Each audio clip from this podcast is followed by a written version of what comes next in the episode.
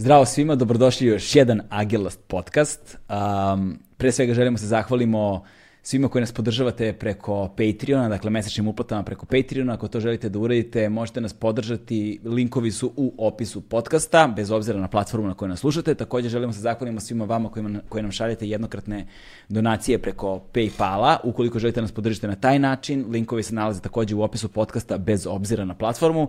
Želimo da se zahvalimo puno našim dragim partnerima iz Red Bulla, kao i uvek hvala puno na podršci koju nam pružate sve ovo vreme i želimo da se zahvalimo um, našim prijateljima iz kompanije Volt, u pitanju je sajt za kućnu dostavu, veoma dobro to znate ukoliko nas redovno slušate, ukoliko nas slušate prvi put, a, napravite profil na sajtu Volt, u pitanju je sajt dakle, za kućnu dostavu, e, iskoristite promo kod sa imenom našeg podcasta, dakle Agelast i ostvarite 600 dinara popusta, to jest 3 puta po 200 na prve 3 poručbine. Dakle, to bi bilo to što se tiče a, ovog uvodnog dela i servisnih informacija. Da pređemo na naše gosta. Naš gost je, jednom rečiju, svetski mega car, to će vjerojatno mnogima biti sasvim dovoljno. A, u pitanju je čovjek koji se zove i preziva Antonije Pušić, ali mnogo više ga zna kao Ramba Amadeusa. A, ovo je bio jedinstveni razgovor nije bio nalik ni jednom razgovoru do sada ovaj, i nadam se da će vam se dopasti i da ćete uživati ukoliko zvuk bude malo zezao. E, nadam se da ćete imati razumevanja s obzirom na očigledne stvari koje će se desiti u toku razgovora. Hvala vam puno i uživajte.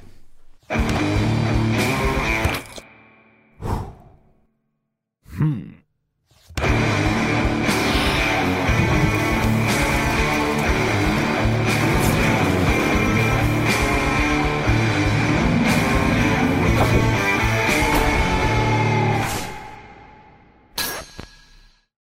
Pričao si o poverenju. Da. Da. Šta u vezi sa poverenjem? Pa, znaš, mi nikako da napustimo taj, e, e, ja to zovem egocentrični uh, kosmički sistem, jel? Znači, Giordano Bruno je ovaj, spaljen na lomači od strane inkvizicije, jel? Zato što je tvrdio da se zemlja okreće oko sunca. A naš egoizam tvrdi da se čitav kosmos okreće oko nas. Tako da kad pričamo o povjerenju, čovjek uglavnom zamišlja da je to da drugi ljudi imaju povjerenje u njega. Da. Međutim, prvi korak je da stvarno kažeš, aha, da nabrojiš bar dva čovjeka u koje imaš povjerenje, jel? A to je danas možda teže nego ikada pre. Nije, uvijek je isto. Znaš, ja mislim da je bilo mnogo teže u, u, u kamenom dobu, jel, da. imati da. to, tu vrstu, ili u srednjem vijeku, jel, tom, šta ja znam, ja mislim da, da, da, da, da je etika po, posled, poslednja stvar koja izraste da. na živom biću. Znaš, mi ne možemo da pričamo o, o, o krokodilovoj etici, jel, šta njega briga, on ispod, leži tamo ispod lokvanja, glumi lokvanje ili dok ne krene ona srna, jel? Ne. Ne, on kao fazon, gnu. vidi jadna srna, vidi kako ima divne, krupne oči, nego, hm, eno ga ručak, jel? Da. Tako da kažem, e, etika, to je stvarno neka ljudska poslastica koja dolazi tek kao neka kruna civilizacije. Mm. Pa ima jedna sad savremenija teorija, baš sam relativno skoro slušao u nekom podcastu koja kaže da su savremeniji verski tokovi, zapravo rođen je onog trenutka kada je čovek prevazišao mogućno, ono, društvo od 150 ljudi koliko je kao nešto naučno dokazano da čovjek može da gaji prirodan broj kontakata. A pa da, nije šimpanze, da. zapravo, da. zapravo razlika između nas i šimpanzi ne postoji u društvenoj organizaciji do 150 da. jedinki. Upravo verovatno sam i ja to isto čitao. Da. da. Tako da ovaj tek kad društvo tek je postala mogućnost organizacije preko 150 ljudi kad je zapravo e, ovladan jezik, kad je čovjek mogao da, da, da pravi takozvane neke kolektivne simulacije i već jel, mm. e, konstrukte. Jel? Da, i da je onda zapravo religijski sistem bio je, veoma dobar da ustanovi odnose poverenja, odnose nagrade, kazne i Ma da, pravila. ono, ne, ne ubi, ne, ne, da. ne, ne, ne, ne varaj, ne kradi i tako dalje, to naš neko mora da izgovori, jel? Da, da, i onda je problem kako, kako uspostaviti to poverenje kada narastemo preko 150 ljudi, a sad živimo u, na planeti sa ono, koliko milijardi sad ima trenutno? Ja više nemam pojma. 8. 8 milijardi, 8 a? 8 i po, da. Znaš, ono, ne postoji selo gde imaš 150 ljudi. Ono. Dobro, ali način na koji možeš da sprovedeš priču da. za 8,5 milijardi ljudi je potreban ti alat, a taj alat je internet. Znači, mm. mi sad stvarno imamo alat da se obratimo svima, jel? Da. I kao što je mm, radio aparat, kao medijski izum rodio Hitlera, jel nije Hitler osvojio Norvešku i, i Holandiju tenkovima, nego radio aparatom jel? i da. Austriju. Kao što je mm, Elvis Prisli postao kralj rock'n'rolla zahvaljujući velikom platnu, zahvaljujući bioskopima. Mm. Njegov taj pukovnik, menadžer je ukapirao da Elvis treba da prihvati da glumi u bilo kakvom filmu, za bilo sve, koje... Sve dok je film. Za, bilo koje pare u bilo kom filmu. Zapravo zato što su tad u tim drive-in bioskopima, mm. znaš, dođeš sa devojku i kao odjednom Elvisova glava od pet metara preko ekrana, naravno da će biti kralj, jel? E onda je došla televizija, televizija je napravila Beatles, jel? znači imao si isto jedan medijski alat, to je bila BBC je postavio antene po svijetu i zakazao Mondoviziju, televizijsku emisiju. Onda su tamo dumali, dumali, dumali, šta će, šta će, šta će, da li da puste film, da li ovo, da li ono. rekli, aha, dajmo, ajmo popularnu muziku, to možda bude i biznis. Ja su tamo to snimali, i Beatles se uzeli ovako, oni su, nisu oni bili jedini band, jel tada, koji je to nešto svirao neke pjesmice ovaj, i bio lijepo izgledao, jel? Jer kao dok je bio radio, mogao si da slušaš kako neko svira saksafon satima. Da. Međutim, kad si odjednom sad uključio televizor i kameru i vidio prvu balu koja curi onom saksofonisti, jel? Ili čuo kako stenje ovaj kontrabasista dok svira, jo, nije baš nešto televizično, jel? onda se tu pojavila šansa mladim, lijepim momcima. I kad su snimali tu emisiju, tu Mondoviziju, bilo je režiser stano, jao, dosadno je, dosadno je, znaš sad, oni što sviraju ovi, ajde kao publika, ljuljajte se, pa ja, dosadno, ajde plješ, ništa. Na kraju, naš, posljedno petog, šestog teka, kaže, ajde, kaže, vi, djevojke, malo vrištite i čupajte kose, šta ima veze, jel? Misliš da je tako išlo? Tako, tako, čitao sam. A, dobro. Čitao sam, čitao sam dnevnike, to sve od režisera. To. Aha. I to je prihvaćeno kao model ponašanja. Jer je čovjek uvijek izvanredno, neposredno i naivno dočeka novi izum. Novi izum u komunikaciji. Tako da, ako se bude pojavio sad neki hologram ili 3D, pa krenu neki avatari da idu po ulici, sigurno će da, da će on roditi nove zvijezde, jel? Da. Raspričao se.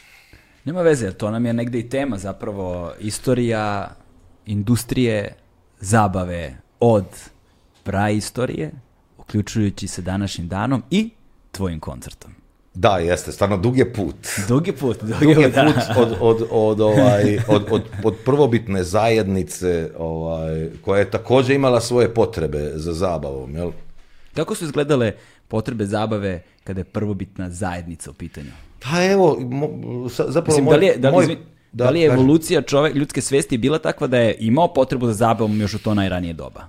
Pa prva zabluda koju čovjek običan ima kada je u pitanju praistorijski čovjek je ovaj e, to da, da današnji čovjek misli da on bio gluplji mnogo od današnjeg čovjeka. Homo sapiens iz, kad bi sad nekako mogao tehnološki da iščupaš jednu, jednu malu bebu homo sapiensa, staru od prije 20-30 hiljada godina, ali starije kamenog doba, i da je sad vaspitavaš, jednaka je šansa da bude odličan đak, inženjer i doktor nauka kao i ovo dijete. Jel? Da.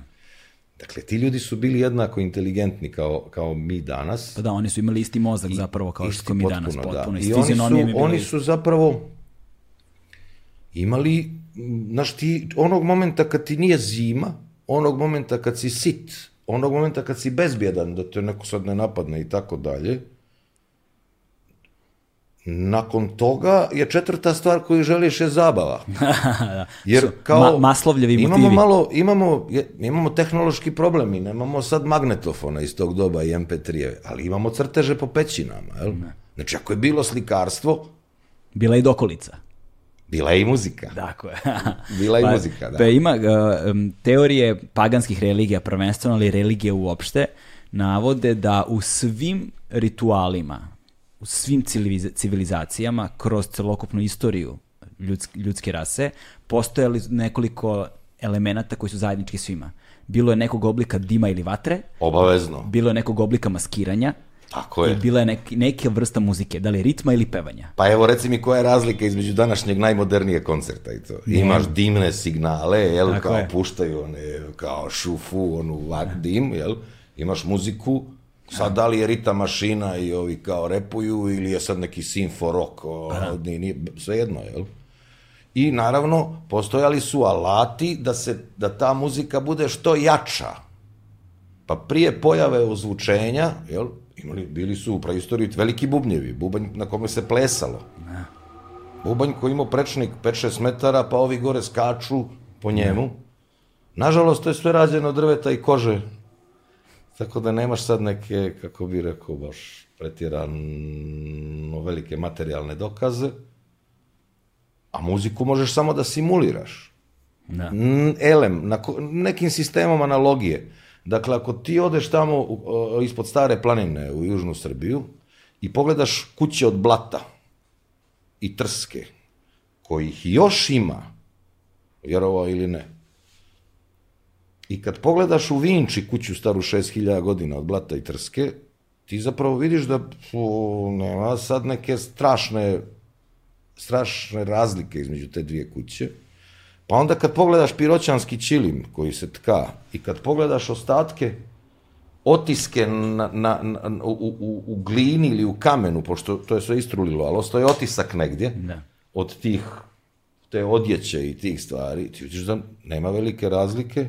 Dakle, apsolutno analogno tome možemo da zamislimo zašto da ne, da su imali neke diple, neke frule od šuplje kosti, neke... neke diple? svirajke, neke, šta ti ja znam. Jedan, ja sam recimo, vrlo, zašto ovako opširno govorim? Pa ja sam 2008. sa Nenadom Tasićem, arheologom, još nekom ekipom, Igor Malešević, Dovirac, napravili su kao kulturno-umetničko društvo Vinčanci. Da bi simulirali pjesmu i igru nekadašnju i te neke nošnje i tako dalje. I sad opet ćemo to krenuti da radimo. Znači, mene strašno zanima da. kako strašno me zanima suština rituala muzičkog, muzičkog tog nekog performansa i to. Da vidimo, ajde, šta je bilo prije jazz harmonija, prije, eh, prije ovog, eh, prije škole Aleksandrinca i soneta, jel? Da, da, da, da, Šta je bilo prije deseterca, šta je bilo prije svega toga. Deseterca, bugarštica. Da. Znaš da?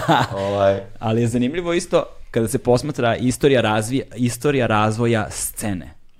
A, Prost Kenija, jel te scena, mhm. a, koja je zapravo i od, iz starogrčke drame i, i od hora koji je tu bio i Haleluja je zapravo nastalo iz toga i pot, potonje kroz ono stvaranje judeo-hrišćanskog nasleđa i tako dalje se preslikavao model isti unutar njihovih religijskih sistema. Tako da uh, eh, hjerarhija kostimiranja, pozicija na proskeni, jel te, na toj sceni, odnosa prema publike i onih koji govore, kako, kako pa, je... Bi, bio je određeni skok, kako da. bi rekao u tome. Prvo si imao, prvo si imao ovaj, uh, vatru, uh, i neki ritual gdje su oni bili oko vatre, ali publika, jel? Ona bi se ili vatala u kolo ili bi tu igrali oko vatre, i unutar tog prstena mm -hmm. bi bili muzičari. I, I taj sad već koji vodi glavnu riječ, sad da li on bio po zanimanju neki vrač da, ili da, samo, da. ili je se samo o, služio tu za, da zasmijava, da praktično vodi o, ekipu, to sad ne znam, ne, ne mogu da znam, mogu samo da zamišljam sebe u toj da. situaciji, jel, kao što, jel, kao, da li je sad ista osoba bila ta koja ih liječi nekim travama i tamo vrši neke ritualne plesove mm. da bi istjerivao zle duhove, a onda uveče kad je sve u redu da bi ta ista osoba bila taj praktično neki konferansije. Jel? Da, znači, konselijer. Kon, kon, konferansije, jeli kao što imaš na San Remu sad konferansije, da, da. nije mu neka velika razlika u zanimanju kao tom caru, jel? Da, da. Sad je na San Remu beše Zlatan Ibrahimović izašao uz ovu, uh, kako se zove, kako se zove pesma? Nada Topčagić. Nada Topčagić. Jeste, da, jeste, da, da, da, da izvaredno, da, da izvaredno. Da, ovo, e, čekaj, Mare, po, ova knjiga samo vidiš na drugoj polici pored Ilana Doga, vidiš, može e, Rambu da bude zanimljiva. Vidiš zelena desno pored Ilana Doga, druga polica. Ne, ne, ne e, to, da se to. okrećem baš toliko. Ne treba, pa da, zato sam njemu rekao, daj mi českom. E, ovo možete, ovo mi je jako stara knjiga, čovječe, koliko Daj. dugo nisam ovo otvorio. Istorija plesova ritualnih Aha. Opa. u Africi, a? Pa znaš šta, vidi da ti kažem, A, pozajmit ćeš mi ovo. Da, može, nema problema. Jednom. Mislim, uskoro. To jest, zašto ti ne bi bio sa nama u toj ekipi kulturno-umjetničkog društva Vinčanci? Mogao bih, vidiš. Why not?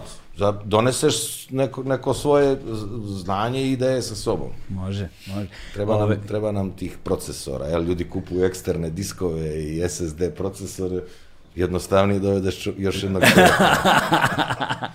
Vi sakupljate ljude Tako koje ja. Da. zanimaju slične stvari, pa onda se stvari, gravi, gravitirate jedni ka drugima. Pa čak, znaš šta, ja volim da, da, da, da, da, kako, da komuniciram s ljudima koji ne misle baš identično kao ja, da im mogu da se uspostavi dijalog. Da. Inače... Da, besmisleno je kad smo svi istomišljenici. Pa onda je monolog, nema šta. A da, da, onda samo govorimo u glas. A iste stvari. Iste stvari, da.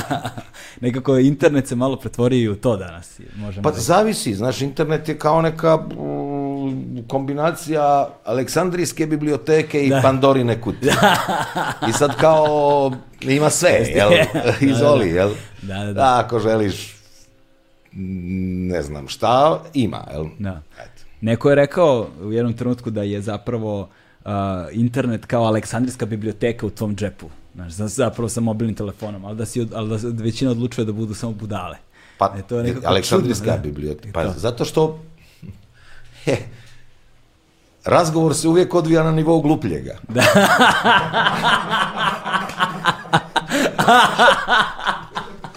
to je tako tačno.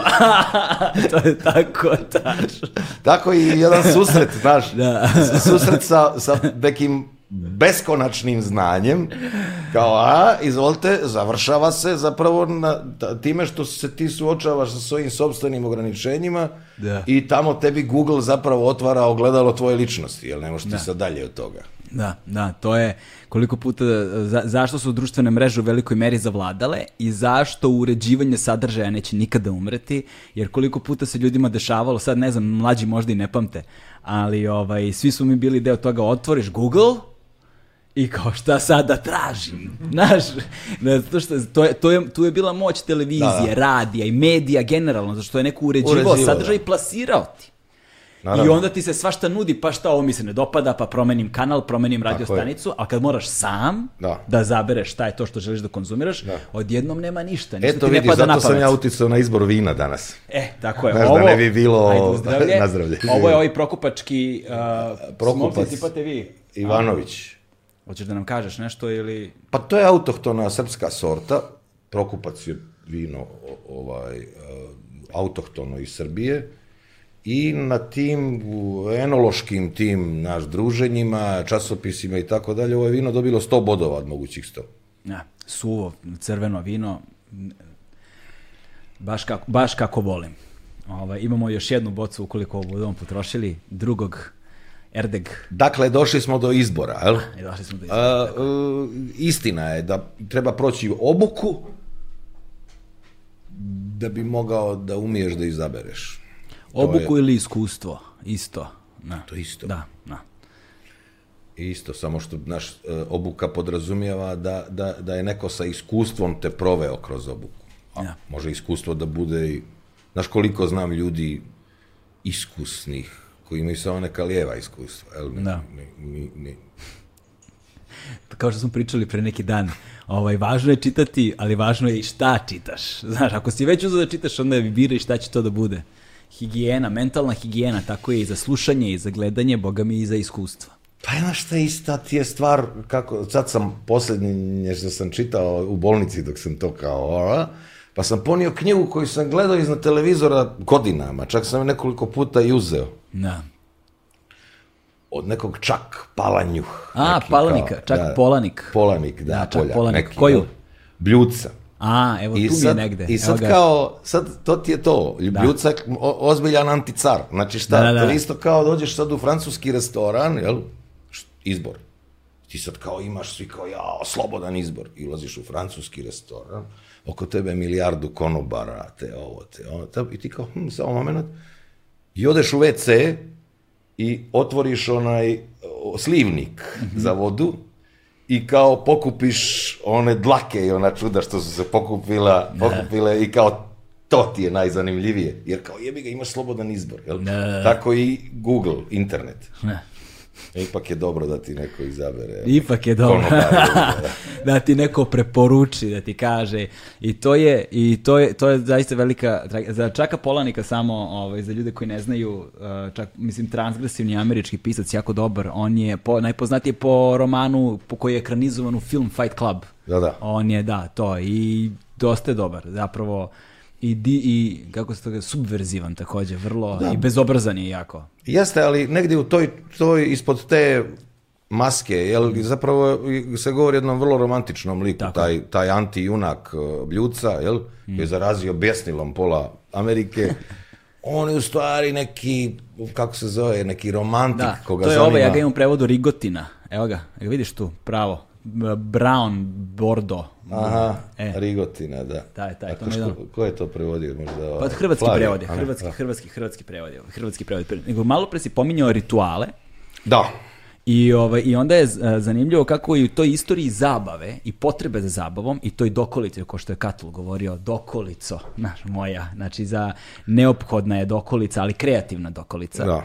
Ovaj, zapravo i ritualno nije nužno samo kroz institucije vere nego ritualno i ritual kao takav se nalazi i u industriji zabave, nužan je deo element, elemenata industrije zabave.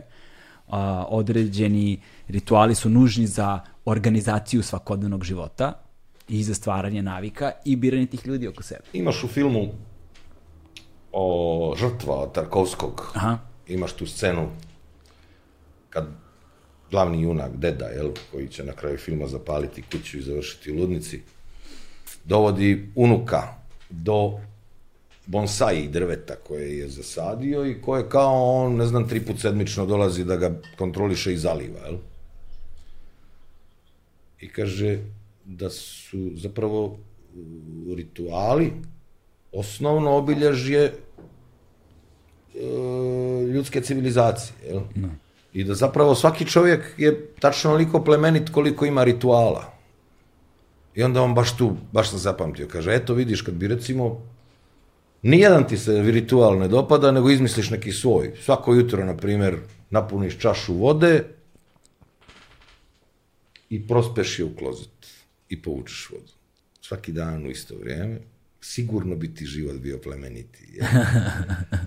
E sad, naravno, rituali se, e, e, taj, ta naša senzitivnost, romantizovanost prema ritualima, ona se naravno, kao i svaka druga stvar, u, po prirodi e, čovjekovoj da bude što bogatiji sa što manje rada, jel to je prosto u našim ganglijama, o, o, o, prosto se svi ti refleksi o, e, upotrebljavaju i na njih se računa u show biznisu. Mm Jel?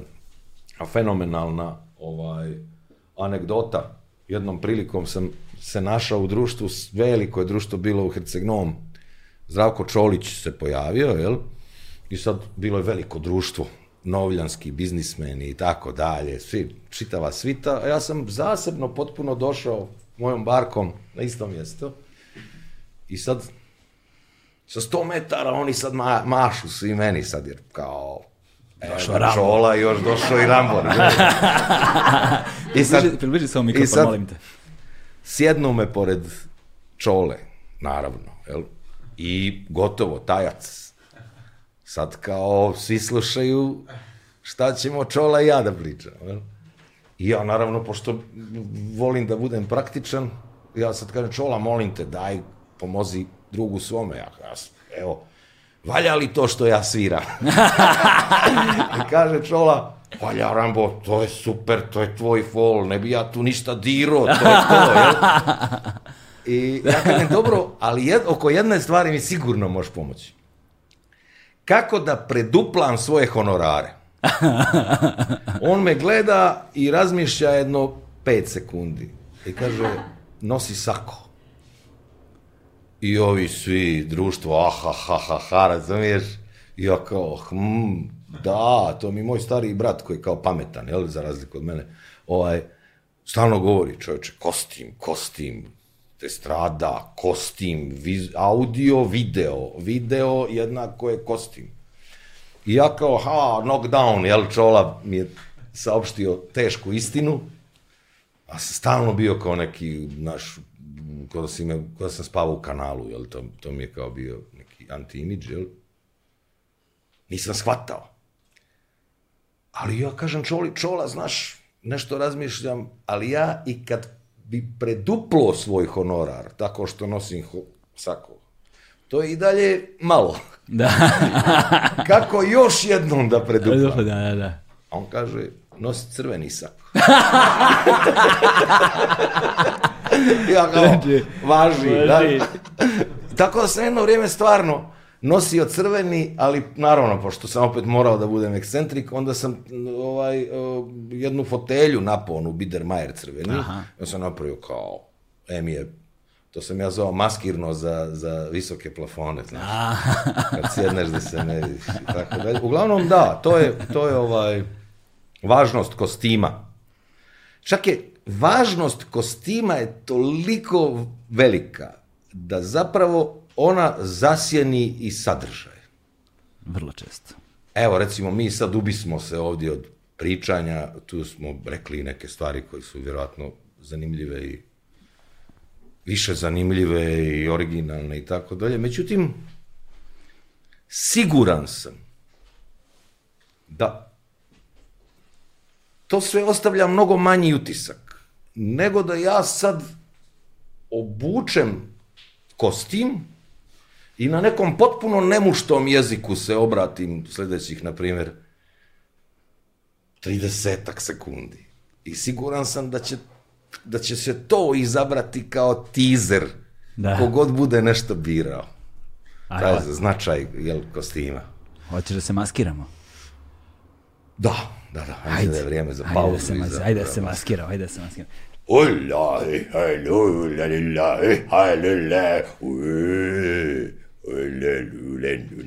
hallulillahi,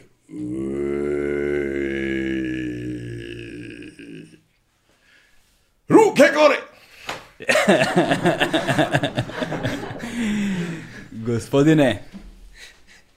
Evo, to je, mislim, sigurno nešto što, evo, zadnjih 8 milijada godina funkcioniše, jel? Pa ja. Da. za, zašto, i, zašto, pogledajte Aljine što šiju pjevačice i tako dalje, to se košta, ljudi moji, nije to sad... Šta je to drugo? Jel? No ne. moć kostima. Moć kostima, to jest uzet e, taj refleks koji imamo prema ritualu, mm -hmm. prema vatri, prema dimu, pa čemu služi uopšte taj light show, jel? On treba ti isto dočara, da te, da te uče u taj ritual. Pa evo,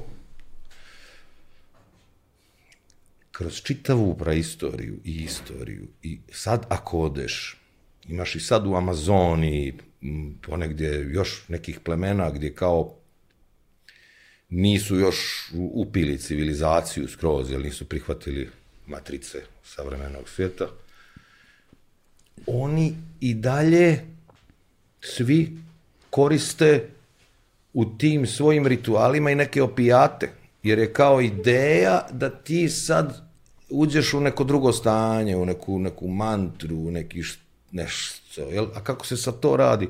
Pa to se radi tako što se jednolično ponavlja neka, neki pattern. jel? Da.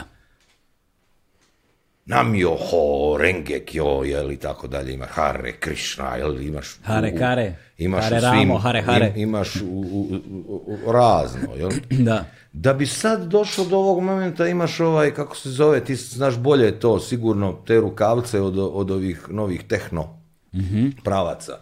Pa šta ja znam, dok sam ja to pratio, bio kao neki minimal Detroit se zove. Tako je, da, bio je. Drš, drš, dš, dš, i ti sad kao, Jeff Mills i ekipa. Da. Ne, sad, površno ja to znam, ali da. znam efekat. Jel, efekat staklene bašte, ti si kao dong, dong, dong, dong, dong.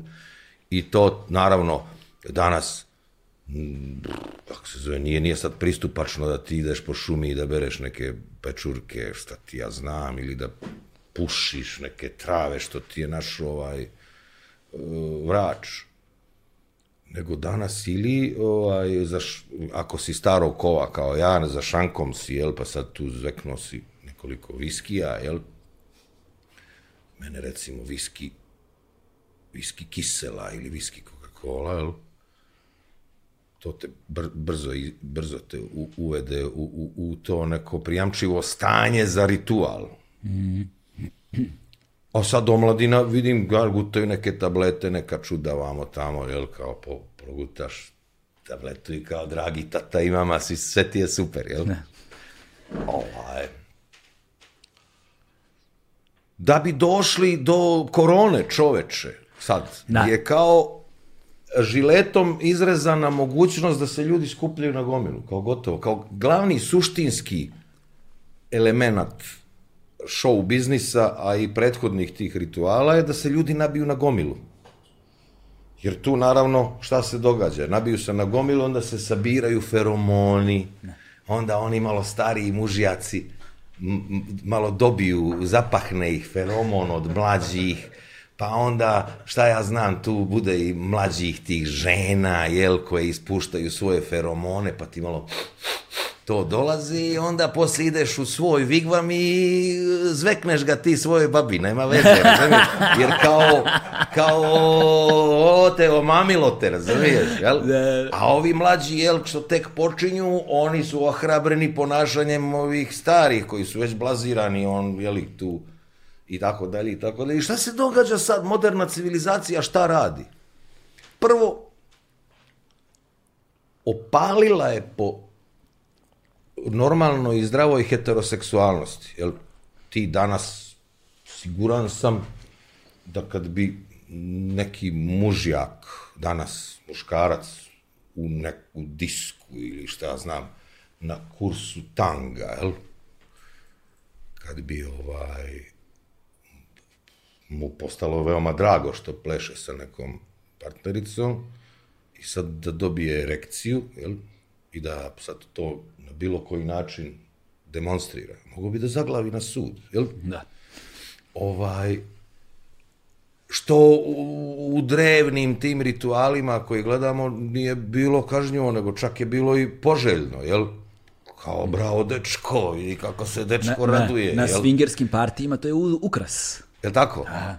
Nisam znaš, bio, od sam mu Što bolja, znaš, što, što bolja erekcija, Niš, šepuriš nis, se kao petao. Nisam bio na svingerskim partijima, niti bi, ovaj, niti bi, z, z, pro, kako da ti kažem, ve, konkurencija bi me uništila. Tjero, Dobro, da završi misao. Da. Okay.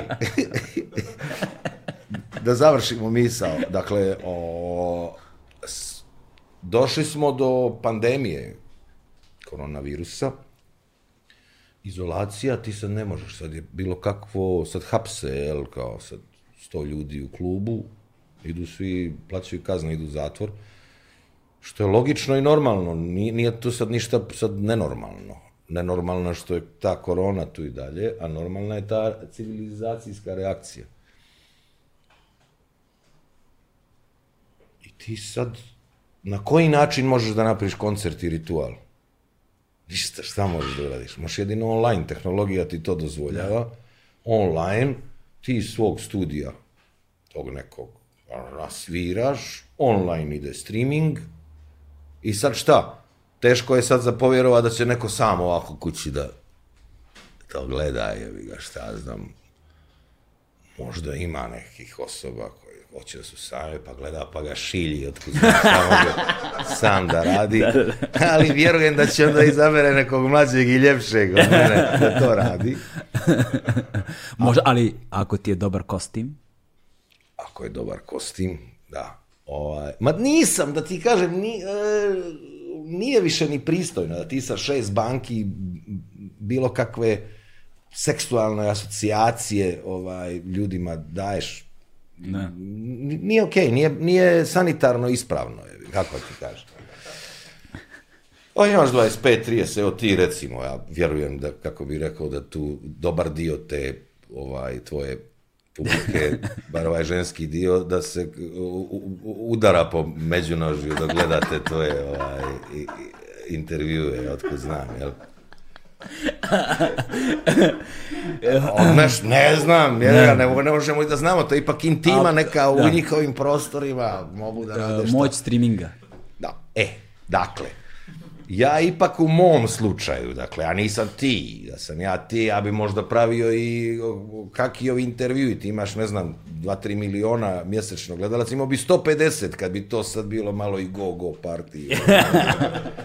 Jasno, ali ja moj arsenal estradni, estradne pirotehnike je mnogo manji, jel? Ja sad da pokažem sad tu trbušne mišiće ili ne znam šta, mogu jedino bačvu trbušnu da pokažem. Ali opet tu ima, imam ja nekih aduta, jel? To je sad kao neka, neko koncentriranje, neka svirka, neka poezija. Pa dobro i neka duhovitost, neka šala, znaš, kažu da je humor utjeha, jel? Mm između ostalog. humor, humor jedan, je... jedan mlad, zdrav čovjek eh, koji je sit, nije mu zima, seksualno je namireno, nema potrebe za humorom nikak. Humor dolazi kao neki vapaj, neka, ne, ne, neka utjeha za nedostatak nečeg od toga. Jel? Mm. I u tom smislu ja očekujem jel, da će biti na tom online koncertu jeli, mi sad sviramo i sad, otkud znam, neka ekipa koja inače u ovo doba korona sjedi, kulira, sjede na otoman, piju pivo ili vino i kao, otkud znam je bi ga, možda svi klepaju nekim tabletama, nisam otkud znam. Uglavnom, ovaj, kao, I sad oni gledaju, znaš, ja sam recimo hiljadu puta mi se dogodilo da ovaj, pustimo televizor bez tona, a ovamo na radio pustimo neku muziku i onda se igramo sinhronizacije, jel? Šta znam, ovamo na televiziji je koncert klasične muzike i sad drlja neki baja na klaviru i ove tetke sa violončelima, a ovamo nema veze, ovamo je neki funk ili nešto i sad mi kao ložimo se kad će ono da bude u sinhronizaciji. I komentarišemo, kenjamo. Tako isto vjerujem isto da će biti sa ovim mojim koncertom, ali dobro, tu se plaća, znaš, nije džabe pa kao šaltuješ kanale. Da, da. A kad si već platio, vjerojatno ćeš da blejiš, jel, čitavo vrijeme. I nećeš da slušaš sa strane nešto. Tako, bit ćeš fokusiran, jel? Da, da. To je da. razlika između džabe i kad platiš. I znaš da je moje iskustvo što je skuplja karta bila na mojim koncertima? To je publika bila zadovoljnija. Jel da? Da, da, da, da, da, nema sad, naš platio je nenormalno i sad odjednom da ne valja. Nije. A kad bi bilo džabe negde, zato ja ne volim da sviram džabe, zato što je ljudima dosadno. Ne. Da. Znaš, sviraš negde, daju ti pare da sviraš negde na ulici, na trgu, a pa prođe neka tetka gleda, aj zdravo, i neki Pa ti se prišljam, i kao, jo, daj ovo, ne znam, svira ili on. Ču, plati. I kao, wow, super. Tako da, Pa znaš, ako jeftina ulaznica je filter za budale, tako smo mi to nazivali. Znači, staviš cenu karte da ti ne bi baš došao bilo ko. A onda, što je skuplja cena karte, Jeste. to je probranija publika, Jeste. jer ljudi kada daju da. neku da. značajniju sumu, obično znaju šta je to šta kupuju. Evo sad je recimo jedna fenomenalna stvar baš u ovom pravcu razvoja show biznisa. Dakle, evoluirali smo, jel? Samo bih volio da se vratimo, da, da upamti misao, nemoj da, da zaboraviš, A, nastavit ćemo. Samo sam hteo da se vratim sve vreme na još jednu stvar koja je veoma važna kada smo pominjali ritualno, kada smo pominjali kostim, kada smo pominjali humor, koji je između ostalog Oscar Wilde lepo rekao ono čemu se danas najviše smejemo je nešto zbog čega smo se juče najviše brinuli. Ovaj, dakle, je neki ventil, nekakva prva linija odbrane, ono, kada, kada budemo sposobni da se smejemo nekim stvarima, znači da smo ih zaista prevazišli. Ovaj, ali tu, tu onda nekako se samo naveće karnevalsko.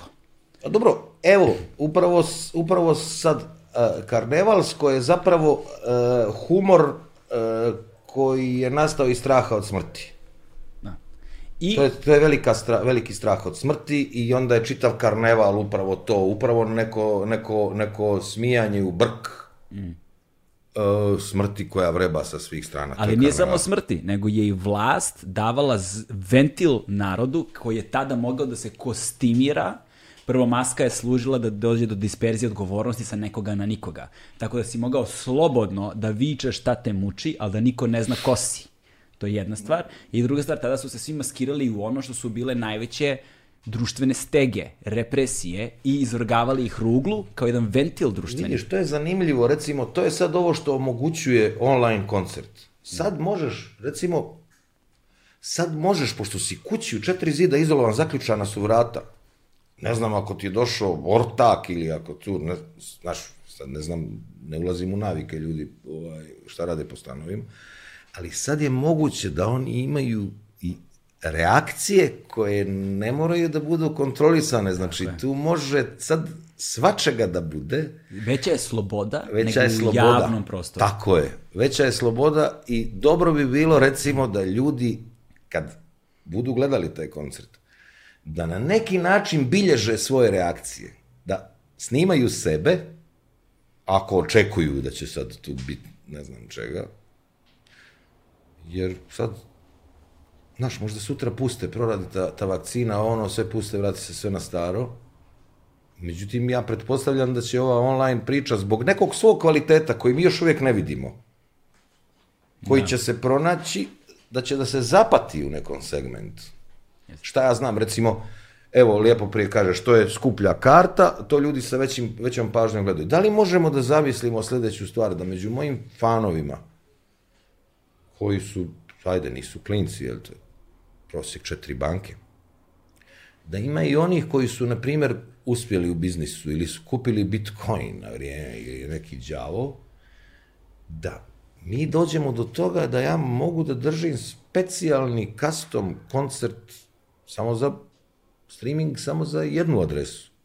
Da kaže ekipa, Rambo, evo, hoćemo samo nama da sviraš, nas je, ne znam, četvoro ili sedmoro, jel? Pravimo romantičnu večer. Ili samo koncert za jednog. Da. Ajmo, možda kao neki car, kao, ne, naš, znači, samo njemu da se svira, jel? Na velikom sistemu. Da, da, da. da. 65 inča televizor. Da, da, da, moja glava. Moja glava. Kao El, Elvis, Elvis Presley. Da, da, da Ej. da. da. Ovaj, I naravno, čitava, čitav, čitav, svi nosioci show biznisa, jel? to su ljudi koji vola da su u centru pažnje, to je ipak neka vrsta sociopatije, jel? Jeste. Se ne lažemo, ali, znači, kao gledajte me. Mi to nazivamo ekscentričnošću, ali... Ne, ne, ne. ne, ne, ekscentričnost je nešto što može da bude u stolu. Da. Recimo, osim toga što si sociopata, si i, i, i ekscentričan. Jer obično su sociopate mainstream, znaš, da, kao da. oni se drže nekog mainstreama da bi što više zahvatili pažnje, jel? Mm, kao mreža u moru. A, a, a biti ekscentrik i taj uh, ekscentrik i čovjek koji ima taj sindrom da bude u centru pažnje, to je kontraproduktivno. Se onda sklanjaš na marginu, ka sad odjednom ti osuđuješ sebe da te gleda manji broj ljudi nego da sad kenjaš neke kvake, neke ljubavne pjesme. A možda su dve kontraproduktivne stvari, mislim uzajamno kontraproduktivne, koje, koje kao neka nužnost te postoje u tebi i onda ti bi da budeš u centru pažnje, ali, ali ne bi, da ali bi na ovaj način da budeš u centru pažnje. Pa dobro, to je, to je svakako da, da, da ti svi limbički naši procesi, jel, koji ne, ne možemo da kontrolišemo, jel, da. to, to ipak, ipak ti neuronski putevi, jel, su takvi kakvi jesu, to je hemija mozga, jel, ne možeš sebi da pomogneš, ima neko probudi se ujutro veseo je, evo. Taka mu je hemija mozga, jel, ima, ima neko čuje najbolji vic, ostane namrgođen, šta kao? I mu ispriča, on kaže, ko ti je to rekao, ko je to ispričao? Otkud sad taj čovjek tu? Ne. Da. Ko je ta žena? Jel? To je problem sa, sa, sa usponom u komediji.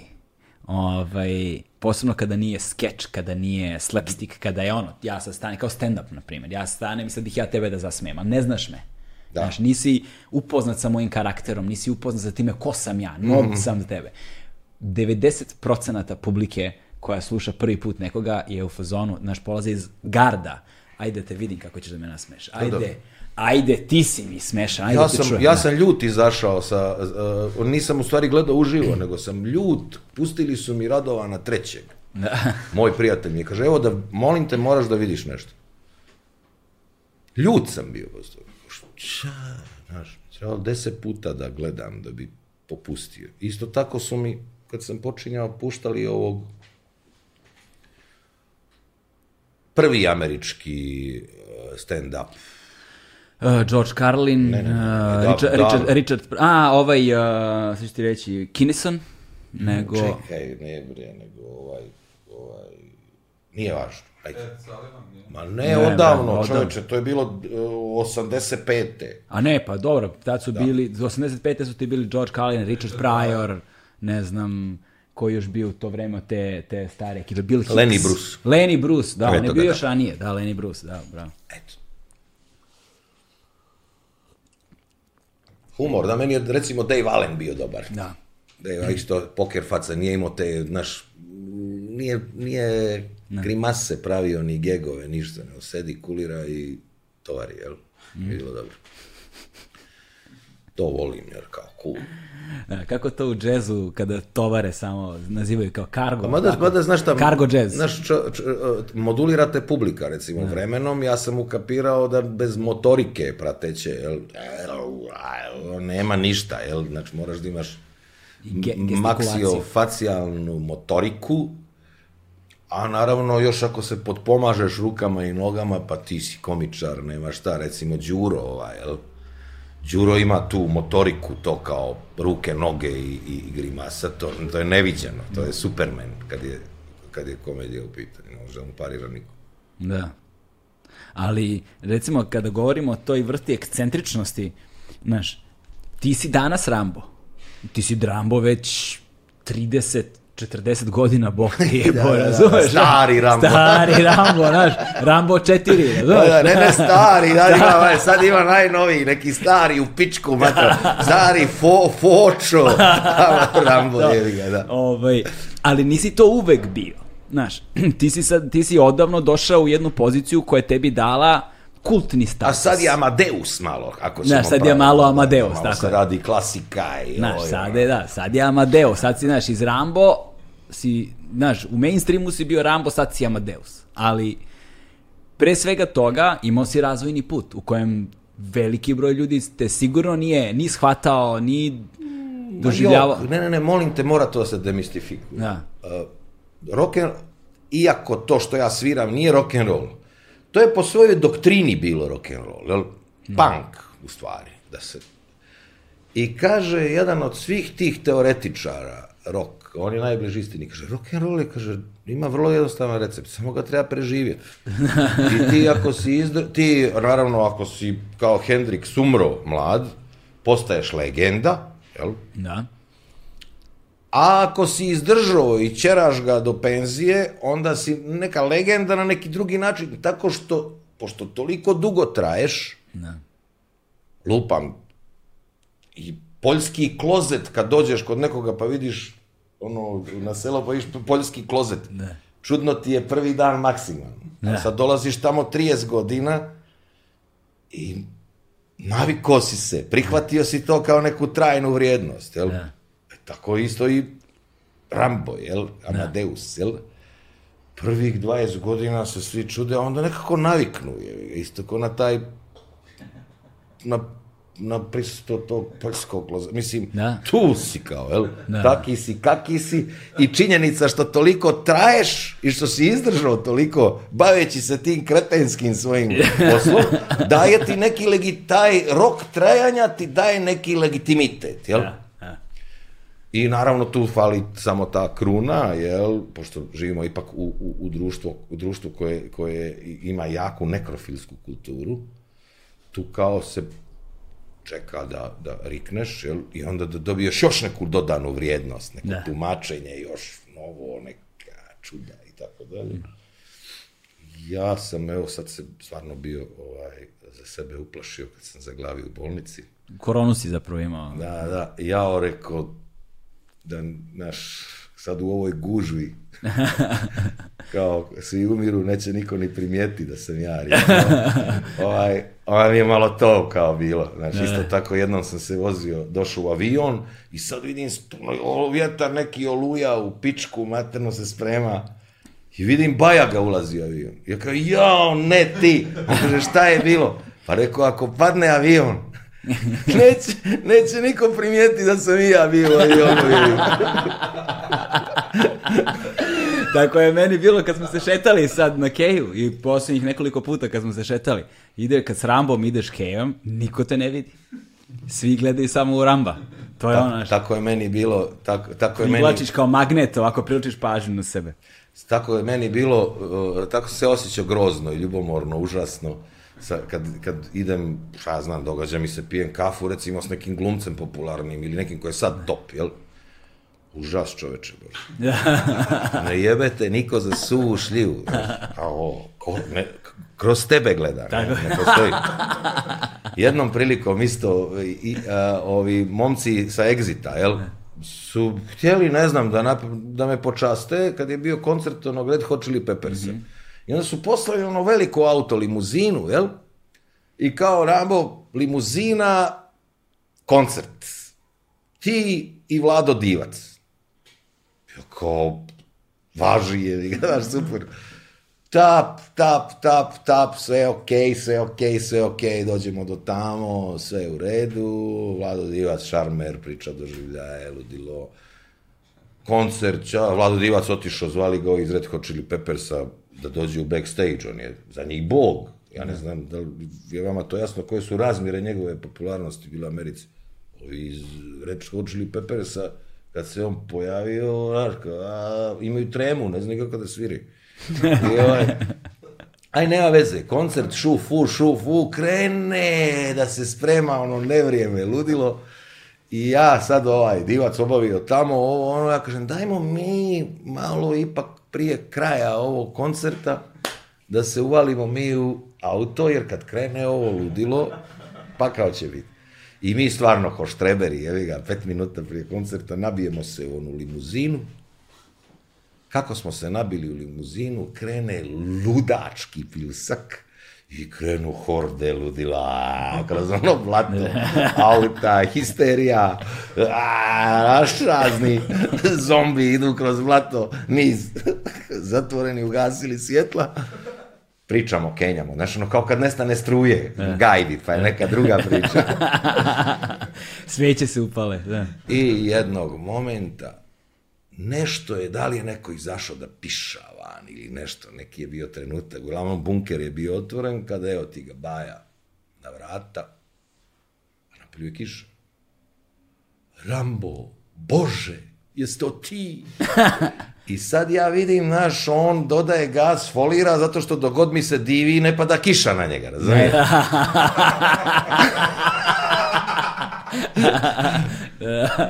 e, kao laži, jel? Ovaj, divi mi se on, a, kao, okej, okay. nije kao što zatvori vrata, da sad ne uđe još neko da se divi. I na, na, na, a vlada diva sjedi do mene. I ovaj ga ne vidi. I ovaj, ovaj se divi, jao, bože, leti, najveći, najbolji ljudi. A ja čitao vreme, ka, vladu divicu kažem, a, jesi vidio? pa ti sad bavi se sportom.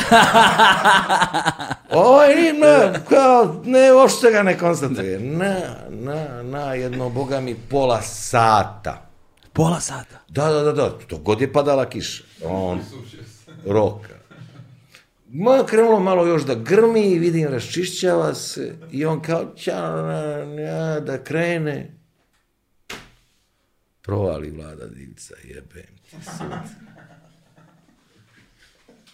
ja više, znači on da je mogao tog trenutka da me pljune, da je rekao jebem li ti, znaš šta ja, gubim vrijeme s tobom pola sata ovdje.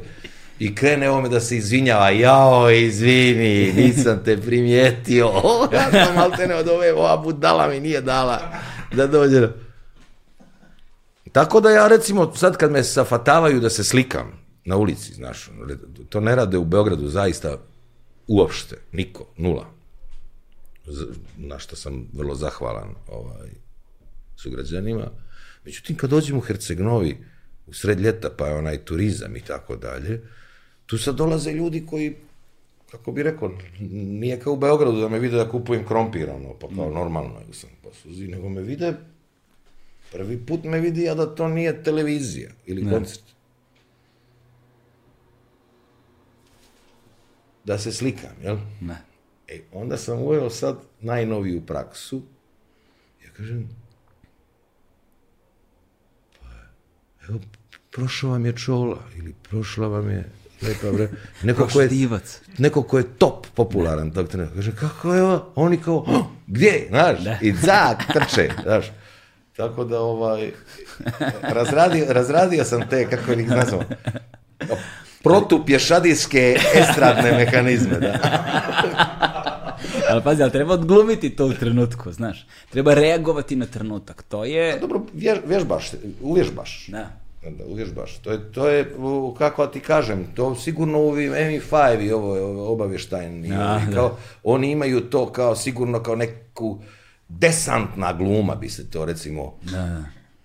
Probudi se u u, u tri ujutro ga probude, on mora da. ono nešto iz Šekspira da izgovori. Ili da, da. kao naglo, plači smi se, znaš, kao neka da. varijanta. to... Tak, to, znaš. Ili odgovori unazad. Da. Da, to je.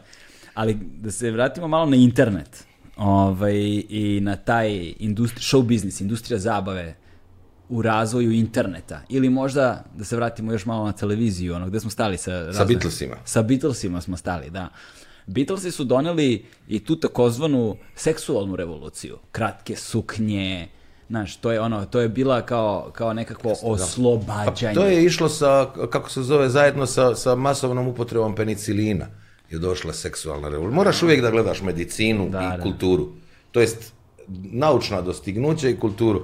Onog momenta kad je penicilinom o, uspješno počeo da se liječi triper, da do perioda dok se nije pojavio AIDS, imao si seksualno, imao si free sex, jel? Da, da, da. da. To je taj...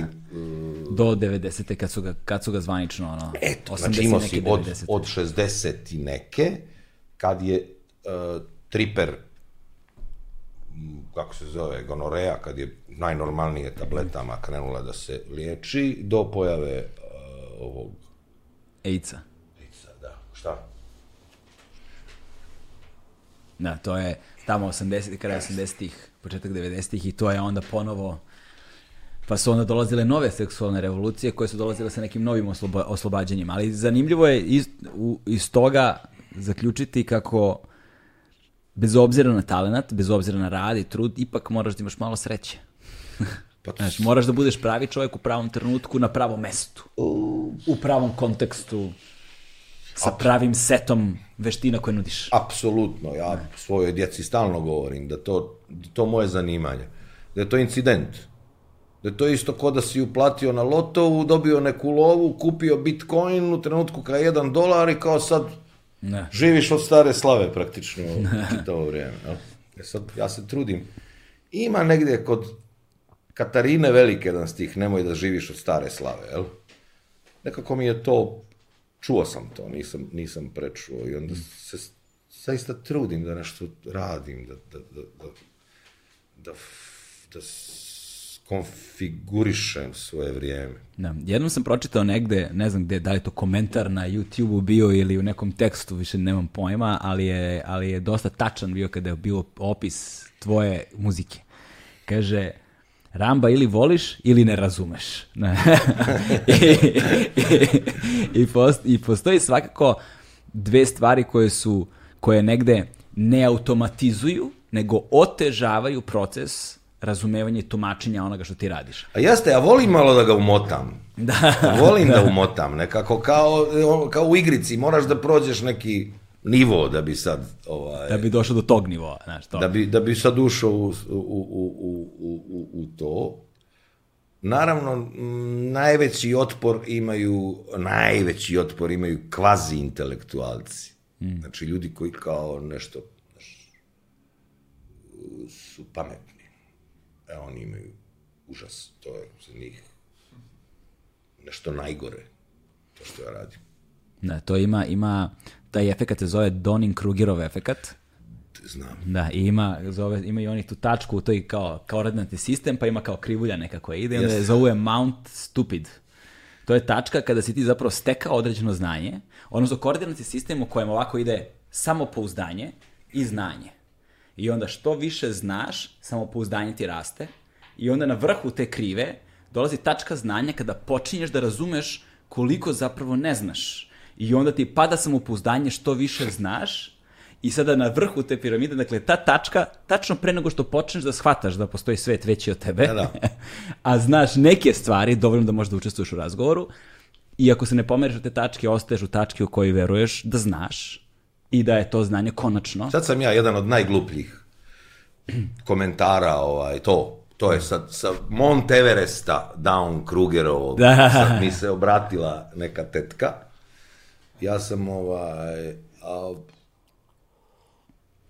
za potrebe, za potrebe UNICEF-a Aha. napravio jednu pjesmicu koja govori o korona partiju. Kao eto, korona sad ovi prave partiji, ali kao ne, ne, ne, kao, sad će doći vakcina pa će da vas rastira sve, jel? Onako neki dječji disko, jel? i ispod piše za mene si završio, što se mene tiče, završio si karijeru. Ne samo ti, nego i svi. A korona promoteri i korona promoteri jer ona sa svog Olimpa gluposti, pošto je zdrava, jel? Pošto je zdrava, ako već godinu dana ona se ne razboljeva, jel? I zdrava je. Svi koji su bolesni, to je u stvari e, vrlo uspješno sprovedena PR kampanja. PR kampanja, da. Upravo to, da. Da, pa sa ovog albuma tvog posle, to je posljednji album, tako, Brod budala. Jeste. Jel Brod budala kao brod koji se zove budala ili Brod budala, brod na kojem su nastanjene budale?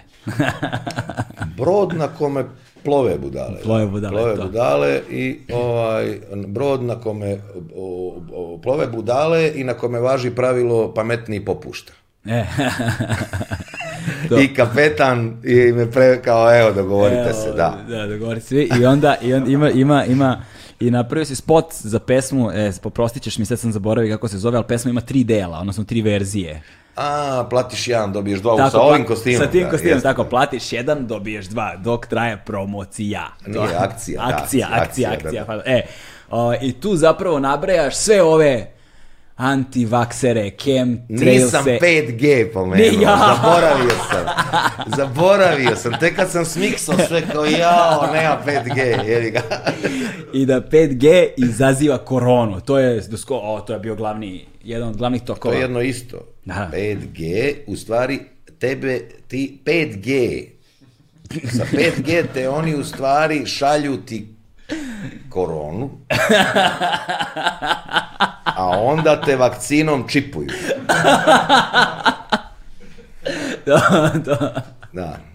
I znaš šta, kako, ja imam među prijateljima ljude koji kao vakcina, ovo, ono. Ne, a pametni su, divni ljudi. Ja kažem, alo, farmaceutskom lobiju odgovara da živi što duže, da bi kupovao što više ljekova. Znači, neće sebi valjda ruku u džep da, da zavuku. Da, da, da. A čovjek najviše kupuje ljekova kao star zadnjih 10 godina pred smrt. Znači, ako živiš 90, od 80 do 90 si izguto više nego u mladosti dok si se drogirao. više, više ga rokaš, nema diskusije. Jeste, jeste, jeste.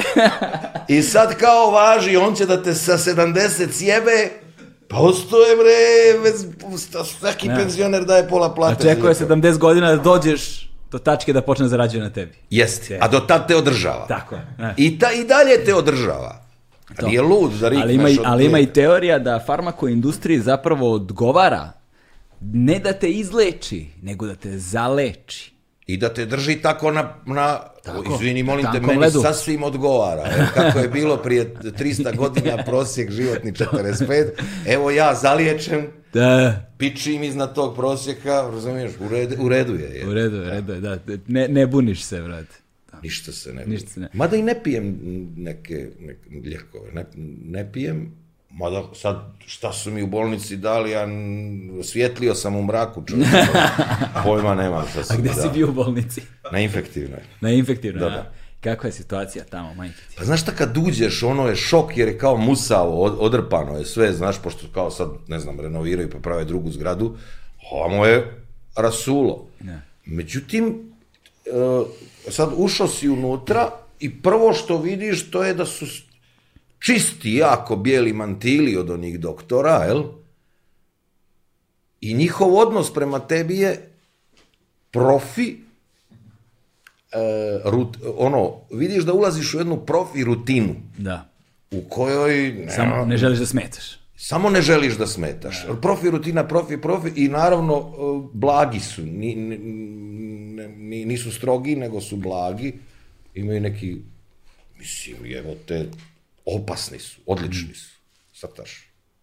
Ja nisam naravno bio nikad u bolnici, uvijek sam zamišljao da je to kao u Alan Fordu, ona, ovaj, međutim, profi su, stvarno nema zezanja, to je, ovaj, to je ono, respekt, kao infektivna, zdravstvo, sve, respekt. Ne. Da. E, da. sad, uh, na, dakle, na, na tom albumu imaš ono, svašta nešto, ono, neki nazivi pesama su suviše komplikovani da bih ponovio, ali je stvar u tome da Um, I sećam se, znači, negde, ok, moji prvi susreti sa tvojom muzikom su bili ono što su bili interstellarni hitovi uh, koji su bili ono od, od, naš, od Silvane do Nirvane, od Ere do Pantere, svi su slušali, znaš, ono, i to je, to, je, to je bio moj prvi susret s tobom, da, zapravo kroz mainstream, kroz pop kulturu. Onda, kao ajde da čujemo malo više toga, pa kupiš album, pa pustiš album, a onda odjednom shvatiš da ta pesma koju svi vole je jedna pesma, a na albumu ima nekih drugih, koja apsolutno u tom trenutku kada sam nisam mogao znači da počnem da razumem znači kao nisam mogao mislima da obuhvatim šta se tu uopšte dešava pola reči nisam fazno razumeo ovaj koncepata tek metafora alegorija čeg god ništa ali onda vremenom to nekako ulazi i prva stvar sa kojom se čovjek suočava kad dođe na tvoj koncert posebno uživo to kad vidi jeste muzika znači muzičari koji sviraju sa tobom aranžmani ritmovi ta eklektika koja nije tako lako osvarljiva, ono, na prvu loptu, ali vremenom upliva čovek, znaš, ka, ti si uvek imao sa sobom izuzetne muzičare. To je ono... Znaš šta, ne, vidi, što si uvek bio u tome što sam ja htio da učim iz prve ruke, ok, mm. ako tako bi rekao, uvijek sam imao afiniteta, jel, i, i ajde da kažemo i talenta za muziku, jel, da sad na, na. Ali sam uvijek, zaista se uvijek trudio da bar ima u bendu dvojica koji su bolji od mene tri puta. Da. Po svim aspektima. A sad imam situaciju koja je cijeli bend, svi kao, ne, da. ne, niko kao da sam ja kao. Da, da. Ne, ne, ne, ne, ne. Svi su bolji. I od svakog uči fazona i super mi je. Zašto? Pročitao sam negdje u nekoj literaturi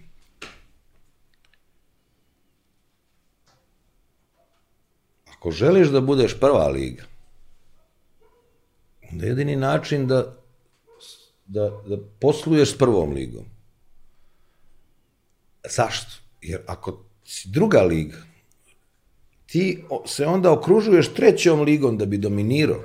Da. Jer to u stvari strah boljih od sebe. A jedini način da dokažeš da si prva liga, to je da ukapiraš da ima boljih od tebe i da želiš s njima da radiš. Da želiš da radiš sa najboljima do kojih možeš da dođeš, bez o, seljačkih strahova, on će me nešto zajebati, on će me nešto nadmudriti, on će take advantage of me, može, šta može, neki virtuoz, koju vrstu advantage od mene može da dobije u životu, pa nema, ništa ne može, nikakvi advantage, osim da ocira strašan solo i da mu kao publika aplaudira, a da sam ja u tom momentu u, u, u drugom planu ih Men, menjaš kostim. uplašio mečku rešetom, idem da popijem pivu. Da, znaš. Ali, da, kada tako objasniš, delo je jednostavno, ali u stvarnosti, nažalost, u velikoj većini slučajeva stvari ne funkcionišu na taj način. Ego igra veliku ulogu. Pa vidi, to je, to je stvar u, kapaciteta poimanja. Mm ja tvrdim da imam ogroman ego. Moj egoizam, izvini, ja nisam ja sebi dao, dao ovaj, estradno ime, ne znam, Paraskeva, nego svetski mega car kosmički, planetarni, znači to je, ja, ja sam osvijestio svoj egoizam. Moj egoizam, dao sam mu ime. Moj egoizam veliki. Međutim, kapacitet poimanja mi je takav da shvatam i razumijem da treba da imam oko sebe najkvalitetnije moguće muzičare, virtuoze, mm. zato što to ničim meni ne, ne, ne oštećuje me, ničim. Prosto, mm, kako da kažem, čovjek može im neke svoje velike mane da pretvori u prednost ako ima kapacitet razumijevanja, prije svega da ih prepozna, da, mm. da, da sagleda to, jel? Da, ali tu se onda dešava druga stvar. Jeste da ljudi koji traju koliko ti traješ, Ovaj, Samo zajebava jebote. Izgube, ja, pazi, znači, znači, ja da, tek sam počeo. Da, ovaj, velika većina njih zapravo izgubi vremenom relevantnost u kontekstu ono, toga da, da imaju još uvek proučavao šta da sam da. to, proučavao sam to. Tu se radi o sledećoj stvari zapamti gde si stao. Mm Samo da taj dio absolviramo, pa ćeš onda, znam, imaš pitanje na osnovu toga. Dakle, o čemu se radi? Radi se o tome da čovjek krene u svoju karijeru od zajebavanja, od inspiracije, od toga što ima što da kaže, na, na, na, na, na, i to sad odjednom krene da plaća njegove račune. Pap.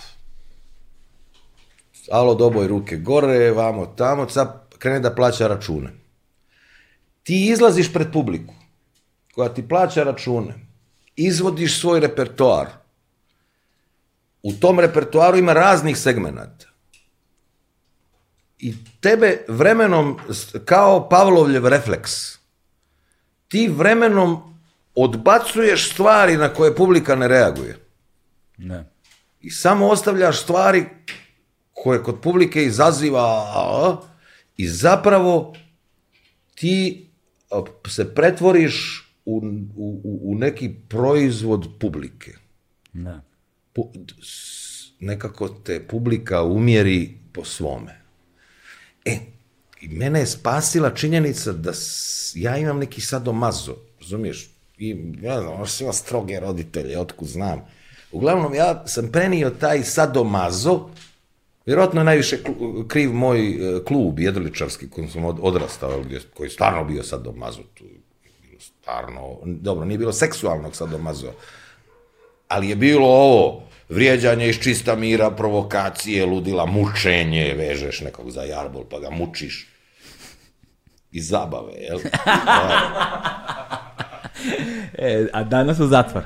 A? a danas u zatvor. Da, da, da, grozno. I, ovaj, i, ovaj, i sad, ja sam prenio to na binu, gdje sam negdje na neki način zadržao tu ljubav prema mučenju publike. Pa je onda bilo aj namjerno, razumiješ, sad ćemo da, im, da, da, sad ćemo da sviramo potpuno razumljivo i da falširamo, da jurnišemo, razumiješ, od nekih antizvukova. Pa onda, kad oni, kad god, recimo, to mi je bio manir, kad oni, a, o, o, ja, zaustavim, pre, pretvorim u haos i pređem u nešto drugo. Nisam dozvoljavao e, da, da se stvar... Kulminaciju. Kulminaciju, da, kao neki koitus, interruptus u stvari. Ovaj, e, bez tog nekog, jel, a, ovaj, orgazma, jel? Ne znam, ne znam šta da kažem, ali mislim da me spasilo to. Ta, taj, taj, to izbjegavanje da u tom ritualu izgubim hladnokrvnost. Mm. A uvijek kao, jer kao, znaš, pričaju o iskrenosti, na, kao, isk, ja, on je kao iskren. Kaka crna iskrenost, show biznis, uopšte čitava umjetnost, čita, show biznis nije umjetnost, nego lijepi zanat. Ne. U, uopšte čitava art, ne volim riječ umjetnost, Tekst, istorija, istorija tek sudi o tome. Neki veliki umjetnici za života odmah nakon njihove smrti su zaboravljeni zato što u stvari zbog njihove ogromne samopromocije su pomislili i drugi da su oni neki velikani, jel? Ne. A neki drugi za koje se misle da su budale tek za 50 godina vidiš da koliko su veliki bili. Znači, riječ umjetnost pristojan čovjek ne upotrebljava. Osim ako ne razmatra nekog od prije 200 godina. Da, da. da. Gdje sam stao? o tome da te je spasilo zapravo to što s, nisi dozvoljavao da se uobličiš izgubio prema, sam nit, prema, koga prema jebe, pitaj publik, dalje. Prema, re, prema, prema željama što? publike. Pa, ne, to mi je dobro, zato što um, to znači da ljudima ne daješ ono što žele, nego ono što im treba. Ne, dajem im ono što meni treba. Znaš, to je kao Znači, neka vrsta neke komotnosti, strašne, znaš, da, da. kao, ja sam, znaš, recimo, ja sebi dozvoljavam da usred, zaustavim pjesmu i da kažem, ljudi, aplaudirajte mi malo, jeboga ja, niste odavno. Da.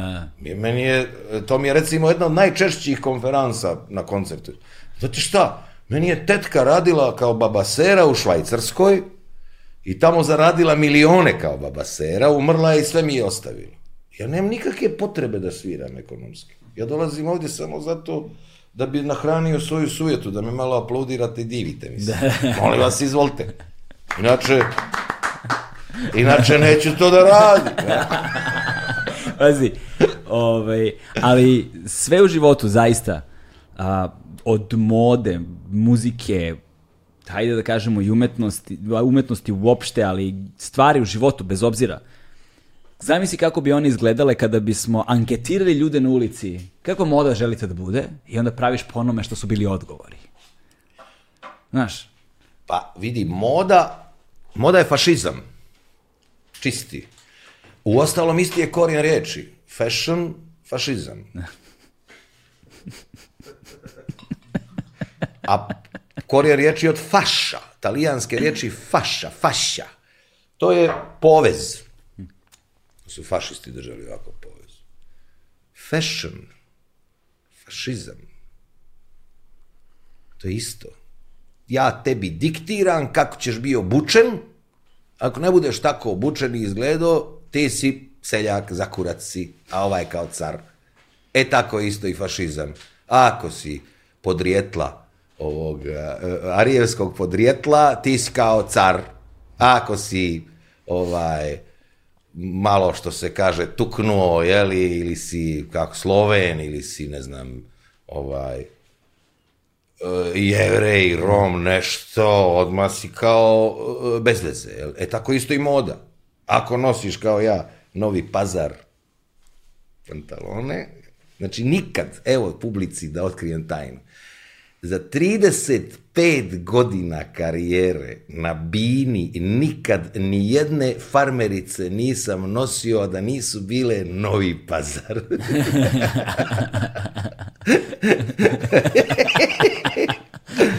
A? A? Vrhunska informacija. Molim lepo. Ali to je onda neka moda. Ne, ne, ne. I ku, kupuj domaće, izvinite, ne. patriotizam. Pazi, i sad se tu opet nekako vraćamo nismo se zapravo udaljili uopšte od te praistorije.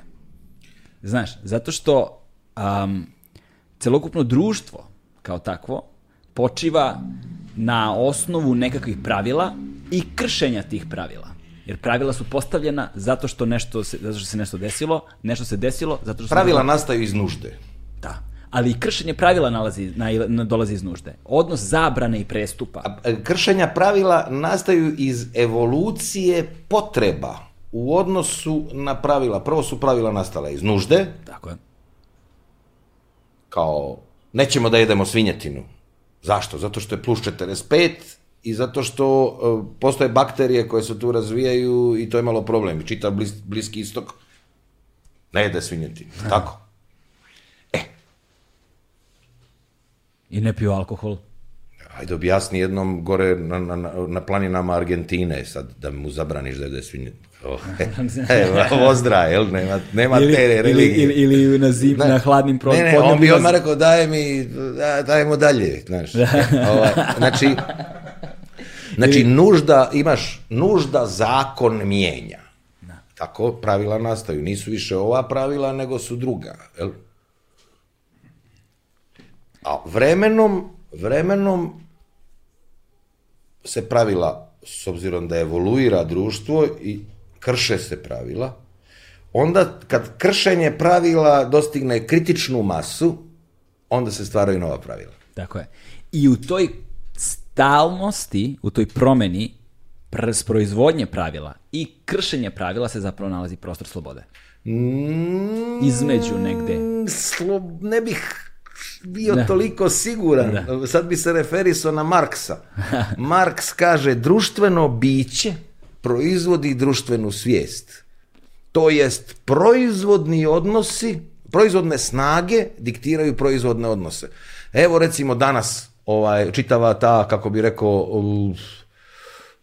ljevičarska doktrina i tako dalje, svi se sad čude kako to da današnja radnička klasa se ne buni. U čemu je što? Pa što si je vrlo jednostavan. Danas radnič, radničku klasu predstavljaju programeri. Mm. Oni su ti koji najviše rade danas. Međutim, po toj, kako bi je, marksističkoj teoriji, devizi, jel? devizi. Oni su istovremeno i tehnokrate. Ne. Da. Oni nešto rade i znaju što drugi ne znaju. I samim tim su zaštićeni time ne.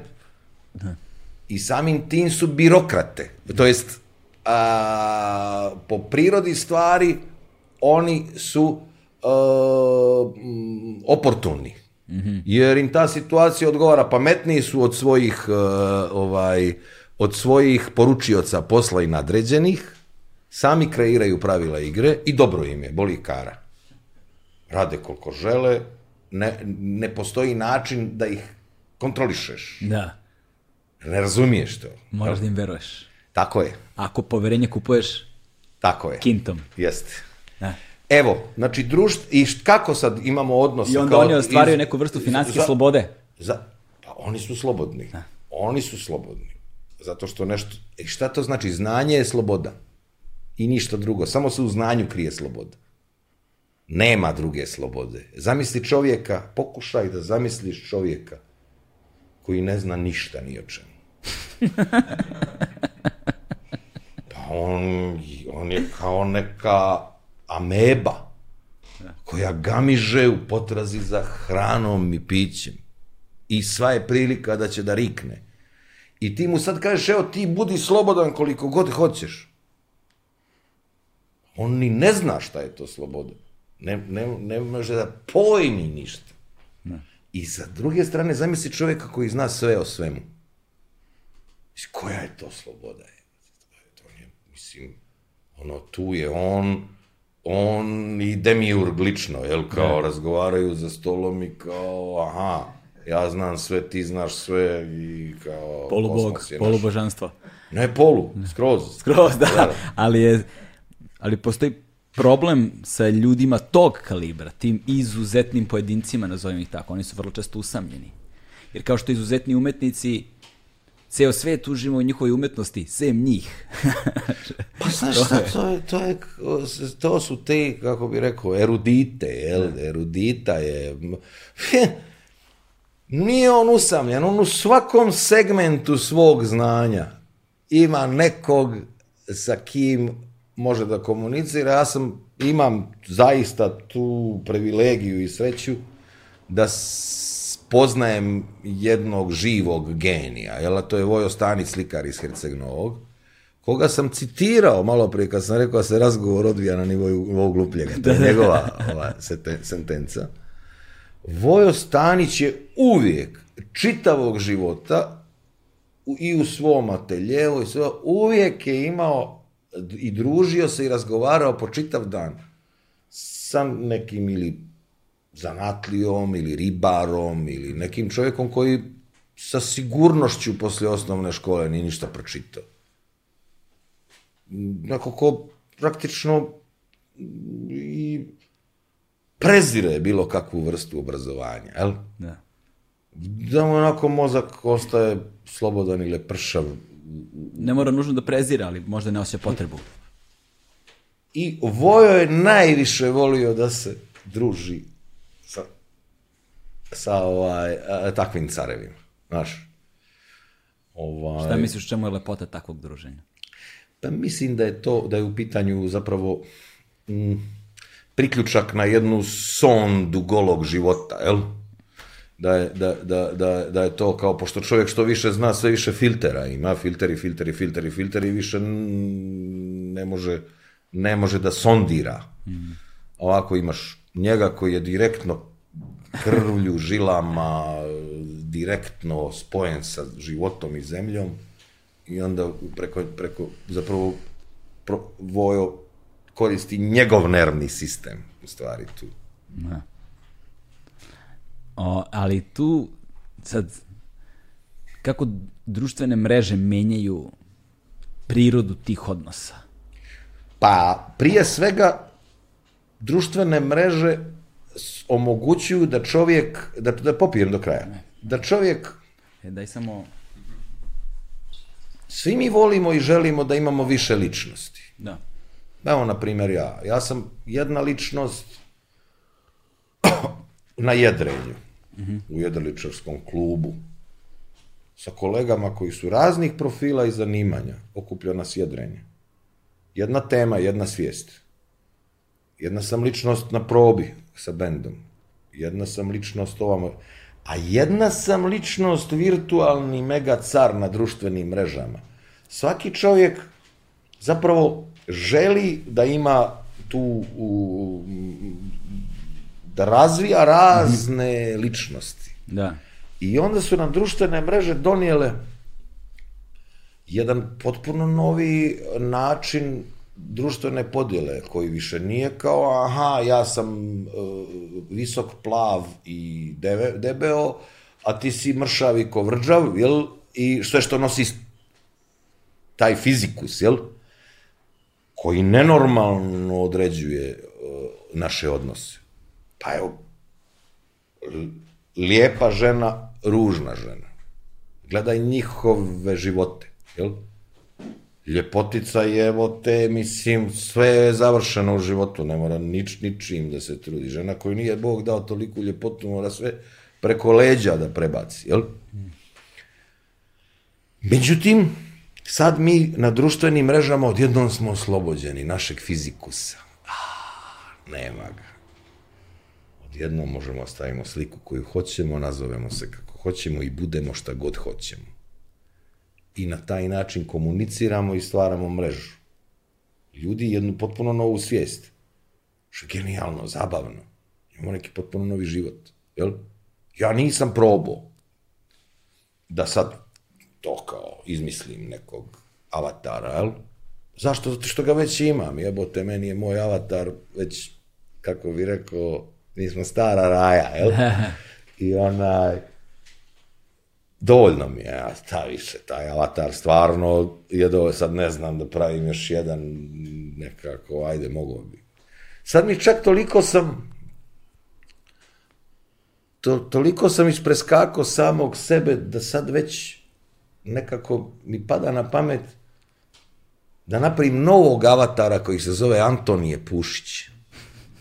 Kao, ovdje, kao neki sad no. Da. serioznija pojava, to je sad naš predavač, predavač, teoretičar, instruktor, life kočijaš.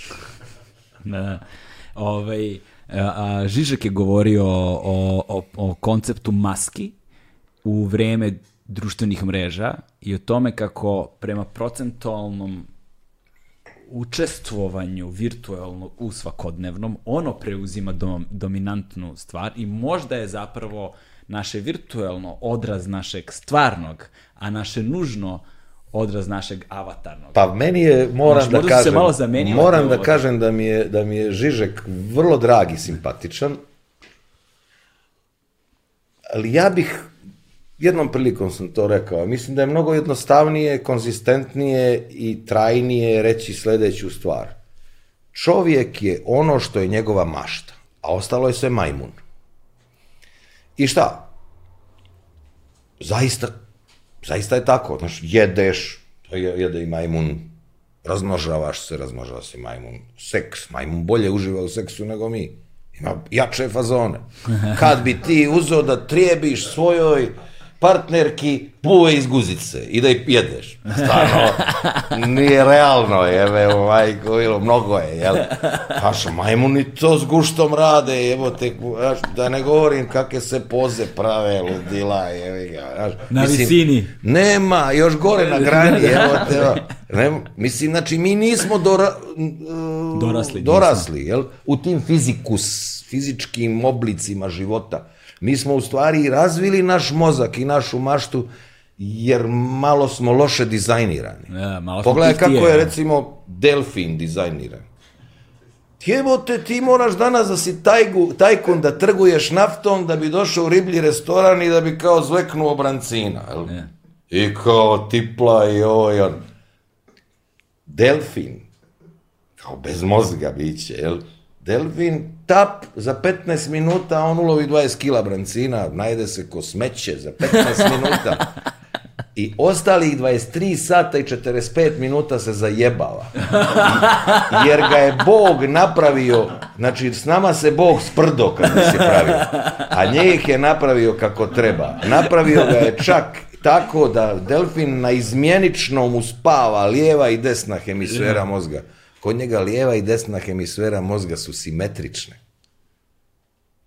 I to su, to je, to su dvije paralelne svijesti koje rade. Tak, tak, a jedna ista ličnost. Evo je, jebote. E, on ovaj se zajeva. To nisam znao, to e, nisam znao. To nisam znao. Znači, on je budan stalno, a to jest jedan ili drugi, jel? ili da. Rembu, ili Amadius, a isti su, jel? Da. Dakle, zamisli taj dizajn, ili recimo dizajn Sokola kao Šibris leži u, u onaj u gnjezdo, pritom ne gleda pošto je kvadrat.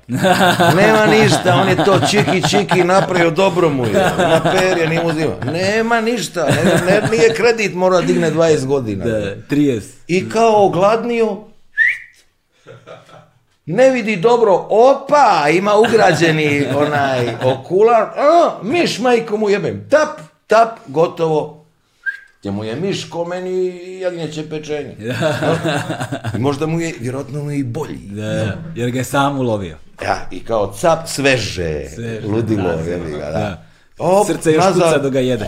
Sva, ide dalje. Dizajniran kako treba. Divlja svinja. Divlja svinja nema strah. Kao mi, što se plašimo svega i svačega. Divlja, ste videli neka divlje svinje kako hodaju kroz šumu? Da. Svi ostali se šunjaju, ona... Bole je kurac ko kriminalac u diskoteci jebote. Kao, hopa, hopa, hopa, hopa. Tap, tap, tap, tap. Da. Lav. Kako je lava napravio, Bog je Da li znate vi, kaže, lav, kraj džungle, lu, u kakvoj je kondiciji, pa onda nas drkaju ovi, moraš da radiš aerobik, ko ono, drkaj kurac po čitav dan da je bio u kondiciji. A lav stalno spava i leži.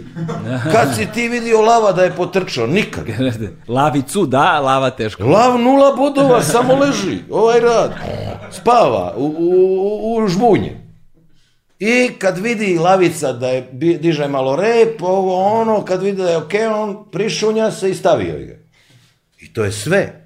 Lavica lovi, lavica se bavi svim. Ja. On kao brada, kosa i ništa drugo. I kako je napravljen čovjek?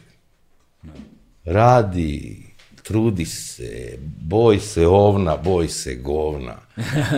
Zima, ne radi grijanje, nema para, daj kredit, ludilo, razumiješ? Da. znači, loše napravljeno. A, ali recimo kad govorimo o dizajnu u prirodi, meni su tu hijene fascinantne, zna, zato što e, ajde što je matrijarhat, ono što Dobro. je potpuno to i sada koliko on oslikan u fizionomiji njihovoj, tu, je, na, tu nastaje Aha, to pa Zna... to, je, to je, kako bi rekao, taj a, a, antropomorfni ti izgledi, da. to, to što pa nisu basne bez veze. Da. Samo da objasnimo, da. samo da objasnimo ljudima koji ne znaju, ovaj hijene, ženke zapravo imaju muški polni organ lažni kroz koji rađaju u stvari. I, o... Nisam ulazio toliko. U... Da, e, ali je Nisam bio što... na nudističkoj plaži s hijenama. Ogroman da. procenat prvorođenih uh, hijena zapravo ne preživi, zato što je potrebno da se taj kanal koji posjeća jel te, na muški falus mora se proširi dovoljno i onda ogroman, ogroman procenat se udavi tu i onda tek sa drugim, trećim oni ovaj, dobijaju uspešno potomstvo. Ali prvo je ovo vrlo često. Ali koncept lažnog falusa, ono koji, gde, gde zapravo se dugo verovalo, dugo, dugo naučnici nisu znali da li uopšte nisu videli kao e, ženku hijene, mislili su da je kao to neko iluzivno stvorenje. Bila, bio je ono, bila je misterija. Tako da, nije taj, taj dizajn je vrlo često i bizaran jako. Ne? Tako, ono... Pa evo, pogledaj sabljarke. Da. Halo. Ili, bo, ili, bogomolj, ili da, da. bogomoljke. Sabljarka, recimo, to je stvarno ludilo, je jer to je nešto u, vjerovatno bilo u tome da kao ko ima veći kljun, taj kao njemu daje kao radije ova e, partnerka, jel? Jer kao, jel? I to je onda krenulo prirodnim odabiranjem, jel? džugi, džugi, džugi, džugi, džugi, sad kao običku maternu. Jel, Stiglo ne do ovde. Ne znaš šta da radi s njimi.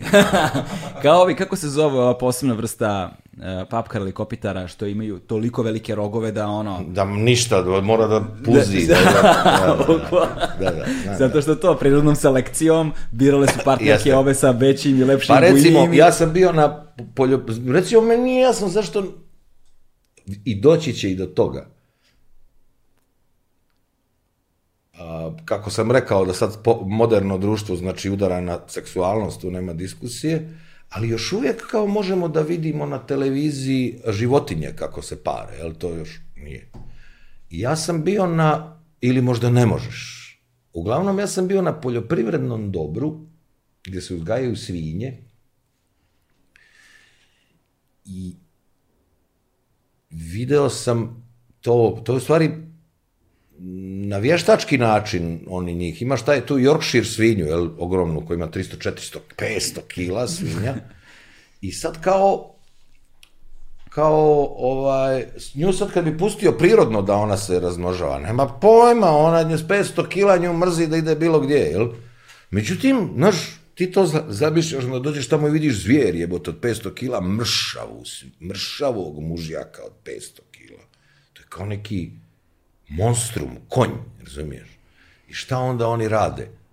Oni tog monstruma narajcanog, jel, uvedu u jednu prostoriju gdje je malo onako diskretno svjetlo, naša lampa bažur, je ga, malo unutra uh, e, Rhythm and Soul, kao prava. Ja, crveni sako. I, čekaj, polako. I kozlićima, jel? Kozlić ja gledao. Onda taj ogromni krmak od 500 kila uđe unutra, a sve na parfimisano. Tim mošusom od svinja. On ulazi, du, du, du, du, skače na onaj kozlić. Ispod se podvlači medicinski tehničar. Ispod kozlića. Sa gumenim rukavicama. hvata ga za ruki, ima jedno lonče i kao du, du, du, du, du, du, du, napuni ono lonče i s punim loncem oni je oprase 300-400 prasica. Jo, jo. Onda sam gledao mangu... Zašto su mangulice izumrle? Pa mrzi ih da karaju. Kao malo je... Boli ga kurac. I onda sam bio isto tako mangulica. Kao pande. Man, mangulica kao ulazi krmak mangulica među mangulice. I e, to ti stvarno izgleda kao kad si ono u... Kao kad sam ja na vrhuncu popularnosti ulazi u diskoteku. Ti sad ulaziš i sad... I, a ove, znaš, ove mangulice kao... Gledaju ga, znaš. Fenomenalno, čoveče. Stvarno fenomenalno. I on kao I kaže meni ovaj tamo o, o, veterinar, a, bit će seksa. Jer kao kad su se pogledali dvoje mladih ljudi, jel, ovaj, dvoje mladih, jel, dvoje mladih, ovaj, e, dvoje mladih krmak, mangulica. Krmak, mangulaner, je ga, i, e, i e, mangulica, on, on, kao, da. i kao, odjednom ona kao piša i kao jonft, znaš, a kao, bit će seks. I on kao dođe do nje i nešto, a ne, a ne, a ne, ne može da je, ne može, ne može da, ne može da završi posao. I onda dolazi medicinski tehničar. Čoveče, to, Dolazi Koju platu ima medicinski tehničar, brate? Tehničar, medicinski, koji iza leđa ovako... Pa i samo na mikrofon, molim te. Vata, ovako mangulanera, ovako ga vata diže, ovom rukom koja je u rukavici, op, da, i ovamo pomaže da ga meti, čoveče Bože, ja gledam svojim očima. Eto. I mi se čudimo zašto nema toliko mangulica? Pa i prestalo da i bude od dobroga života, prestalo da i bude volja da se razmnožavaju. Da.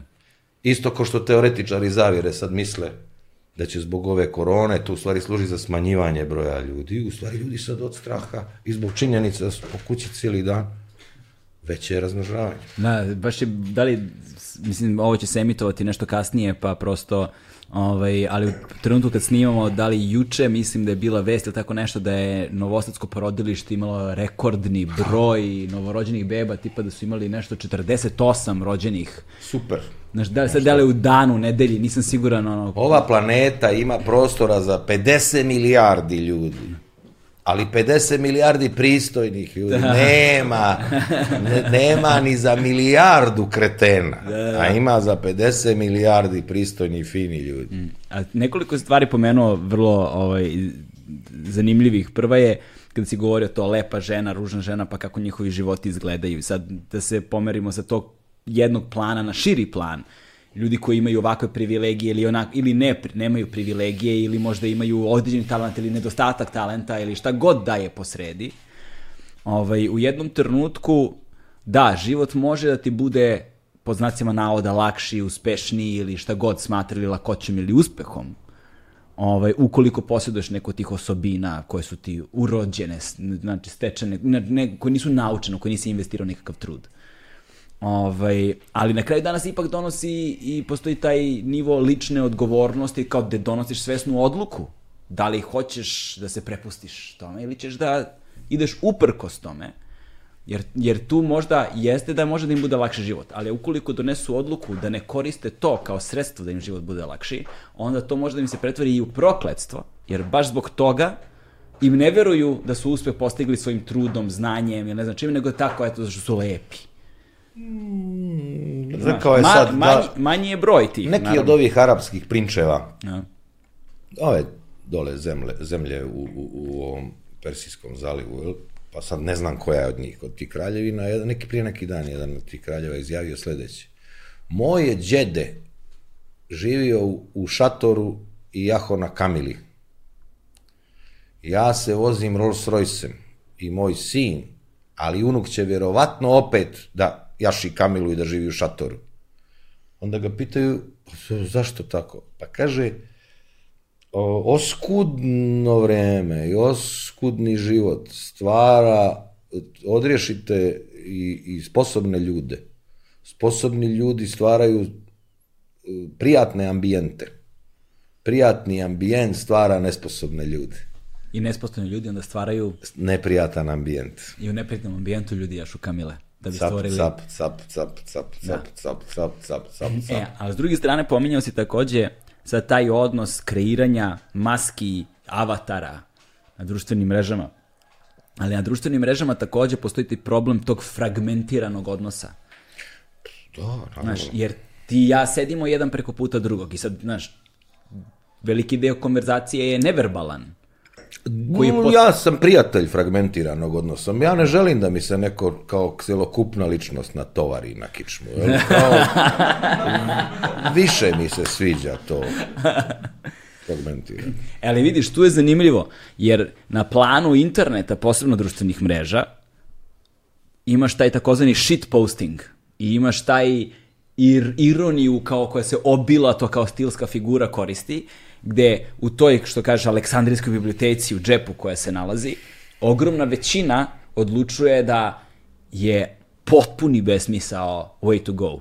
Znaš, i meni je to, recimo, vrlo često baš super, ono, znaš, beskreno humor, humoristično, zabavno, kreativno, da ljudi u potpunim abstrakcijama i besmislicama budu toliko kreativni, da to bude fascinantno. Znaš, cela mim kultura je takva između pa, ostalog. Jeste, ali ja moram da priznam da ja imam neku vrstu autoautizma, mm -hmm. ovaj, gdje kao se uglavnom bavim samim sobom, onih što, onim što se mene tiče,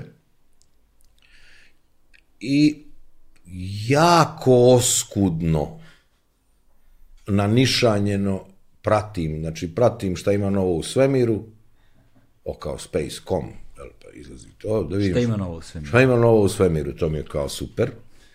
Ovaj, šta ima novo? Pa, bu, mm, evo, ja nisam ni znao, recimo, podatak da zemlja uopšte nije imala autohtono vodu na sebi. Nego da je to u stvari o, kiša ledenih kometa, opizdilo je nešto, pošto mi imamo u na obodu našeg sunčevog sistema. Ima boga oca tih ledenih kometa. Da, kako se zove, zove Orbov, eh, tako neki nešto prsten. Zove. Prsten, Orbov da, prsten, mislim da se zove, tako nešto, da. I kao tu je nekad davno, dok je još bilo haotičnije, znaš, svemir se sad malo upeglo, malo je sve, sve dobilo neke svoje rotacije i onako predvidljivo je gdje šta ide ali lupam prije 5-6 milijardi godina bilo je, nije još to bilo kako treba. Pa i ovo recimo ovaj prsten oko Saturna. To je sve drkalo kroz sunčev sistem je letilo, a Saturn kao velik debeo je to zarobio sve kod sebe. Opizdilo je neko sranje u taj prsten sa tim kometama i krenulo je da, da drka to po, po, po sunčevom sistemu i to je drknulo tih kometa nekoliko velikih jebi ga, pošto je zemlja bila ugrijana, nije ta ledena, to ledena, ledena ta, nije sad to drknulo, raspršilo se i otišlo, nego se ta voda istopila i otud voda na zemlji. Tako da, ako mi budemo pametni, mhm. vrlo brzo ćemo biti tehnološki u mogućnosti da pošaljemo brod teretni do svemira, do, do, do oboda, do oboda sunčevog sistema. Sa, da. I kao tup, tup neke kuke gančine. Zakačiš jedno ono govno, drke, drke, drke, drke, vratiš nazad, dovedeš do ovaj orbite zemlje, feta šlagano i evo leda mamu vam jebem, jevi ga, e, e. ovaj, čiste vode, pitke, vrhunske, jel? Tako da, znaš, Zabavne su te stvari. Nego kako da se oslobodimo efekta staklene bašte? To je... Vrlo jednostavno. Ovaj, vrlo jednostavno. Dakle, treba u, u, u, u orbitu, to sam, bih htio da neko, ako gleda neki fizičar i tako dalje, da razmotri kombinaciju, da se... Ili sluša. Aluminijski listići prave. On može da bude debeo jedan mikron, znači ti od tone aluminijuma toga možda napraviš koliko god da. hoćeš. Da. da se aluminijski listići izbace u mm, u ovu u orbitu. Mhm. Mm da imamo praktično kao Saturn. Da. jedan prsten aluminijskih listića koji će praviti djelimičnu sjenku, tebi treba 1% samo da smanjiš sunce, da se napravi to i naravno sa druge strane ovo, ovo kako se zove, ovo je budalaština s ovom naftom i to, to će valjda stvarno da u ovom vijeku se sve zaustavi. Da gledam, pokušavam da nađem ovde, ima da, jedan roman da, Ovaj, da, da kultura, kako se zove, da, da ta kako je uopšte nastala kultura automatizacije, kultura kućnih uređaja i svega. Ratna industrija Amerike 45. je zaustavljena. Ogromni zamajac industrijski. Onda su se pitali, pitali, pitali šta da rade u pičku materno sa tim postrojenjima koja stoje. I onda su izmislili onu domaćicu u Chanel kostimu, koja kao kući usisava, sve na dugme, ima toster, ima, sjećate li se haube za sušenje kose, ljudi moji? Da, kako ne. To je svaka porodica imala kući, znači opereš Sa, Ne, ja znam za frizerske salone. Ne, ne, ne, kući je bila hauba, prijateljima. A sjećate li se zuhre? Ne. Zuhra je bila jas, vibracioni jastuk koji kao sjedneš na njega i masirate i leđa. Sjećam se moja keva jednom, pa kao imala je kao ja, vala je leđa, jedna je stavila zuhru tu između lopatica, na, na, na, na, na, ali onda je zaspala, pa je ovaj skliznuo i krenulo je da je masira po potiljku, razumiješ, ona se probudila posle dva sata, a,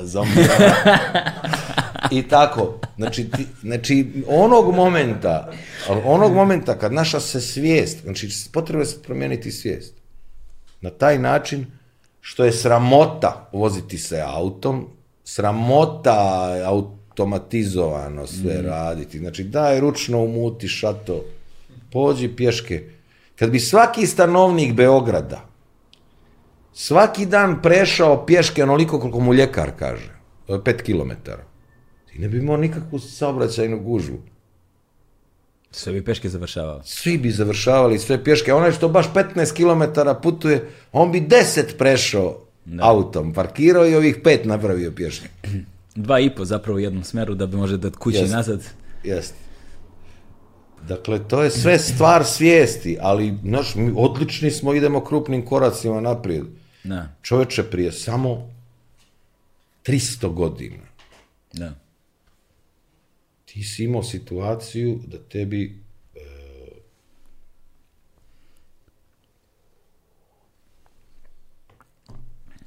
velikodostojnik neke crkve negdje tamo po zapadnoj Evropi na trgu ra, razastru mu astal stave mu je jeretika gore on ovako jednim specijalnim nožem ko za burek rasporio ovog čoveka i onda specijalnim jednim čekrkom mu namat, namotava crijeva da bi ovaj kao priznao jeres i odreko se jeresi, da bi kao onda posto toga mu ovaj oprostio. Ovaj što ga je mučio. Ne. A za to vrijeme razularena gomila navija u, u, u, na trgu. je to nezamislivo. Jel? Da. Znači, napredujemo. Da. 100% napredujemo. nema greške da je u napredak, nema greške. Kad, kad, kad uključimo sve ukupnost civilizacijsku... Pa nema... moramo da je pa uključimo. Pa Danas je duži životni vijek nego ikad, da. bezbjednije nego ikad. Da, Steven, Danas. Steven Pinker ima dobru knjigu o tome, zaboravim kako se zove, ali ljudi mogu da potraže ako žele da vide zapravo da ceo ovaj svet ima i nekih ono pozitivnih strana. Ali zanimljivo je to što si pomenuo, snimio, snimio sam epizodu jednu ovaj, gde su mi bili prof, nekoliko profesora sa različitih univerziteta koji su govorili o čuvanju životne sredine, o klimatskim promenama i mhm. tako dalje i profesor sa našeg fizičkog fakulteta vlada, zove Đura, Vladimir Đurđević, ili kako se prezio, Đurđević mislim da se prezio, je baš govorio o tome kako je mala Greta Thunberg u stvari najveća pretnja magnatima automobilske industrije. I da je bio sastanak neki na kojem su govorili zapravo o tome, zašto je mala Greta Thunberg opasnost. Jer mala Greta Thunberg je opasnost zbog toga što ona pripada generaciji koja je rođena sa nasleđem sjebane planete.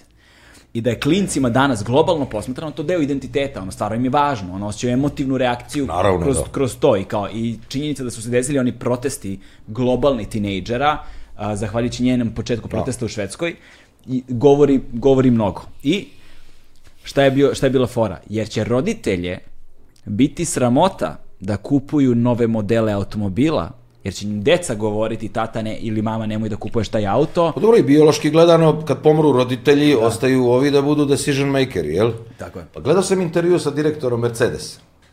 Da? Čovjeku je sve jasno. On kaže, znate, dolazi vrijeme a, uh, automobila koji će biti samohodni, koje mobilnim telefonom zoveš da dođu po tebe i mi znamo da dolazi vrijeme kada će b, uh, refleks za posjedovanjem automobila nestati. Niko neće htjeti da ima automobil, nego će posao gradskog saobraćaja u umjesto na 2 miliona stanovnika u gradu i 800.000 privatnih auta, isti posao će da završava 50.000 auta koji dolaze na klik. Niko neće htjeti da ima auto. Mm. Mi razmišljamo u tom pravcu. Zataš? Znači njemu je sve jasno. To će biti. Da. E sad, ali problem kaže da postoji u tome što postoji te neki globalni konsenzus o količini fosilnih jel te, goriva koja postoje na planeti. Mm -hmm i količini koju smemo da potrošimo da bi se postigao taj globalni sporazum da do 2050. godine se da. ne pređe tih dva stepena famoznih eh, i fore, fore u tome što taj procenat je daleko ispod količine koja postoji. I sad postoji ob, realna zabrinutost jer, posto, jer su, imaju te, kako se zovu ti, dakle, checkpointi, jel te, na svaki način. Čim je, čim je, moraš da, oprosti, da. uključi logiku. Čim su počeli da, da. naftu crpe iz naftnih škriljaca, što je nenormalno skup, to je neki cracking, neko ludilo, da. skup proces. Fracking. Fracking. Fracking, fracking, da. Skup proces maksimalno. Čim to rade, znači da mi možemo da očekujemo situaciju u kojoj danas, na današnji dan, već je blizu, pazi ovo ludilo, već je blizu dostignuta cijena struje koja se dobija iz solarnih panela sa cijenom struje koja se dobija iz termoelektrana. Dakle, šta će da se dogodi? Te od danas za godinu, dvije, tri, pet. Mm, jeftinije će biti da dobijaš struju iz solarnih panela nego iz termoelektrana. Šta to znači?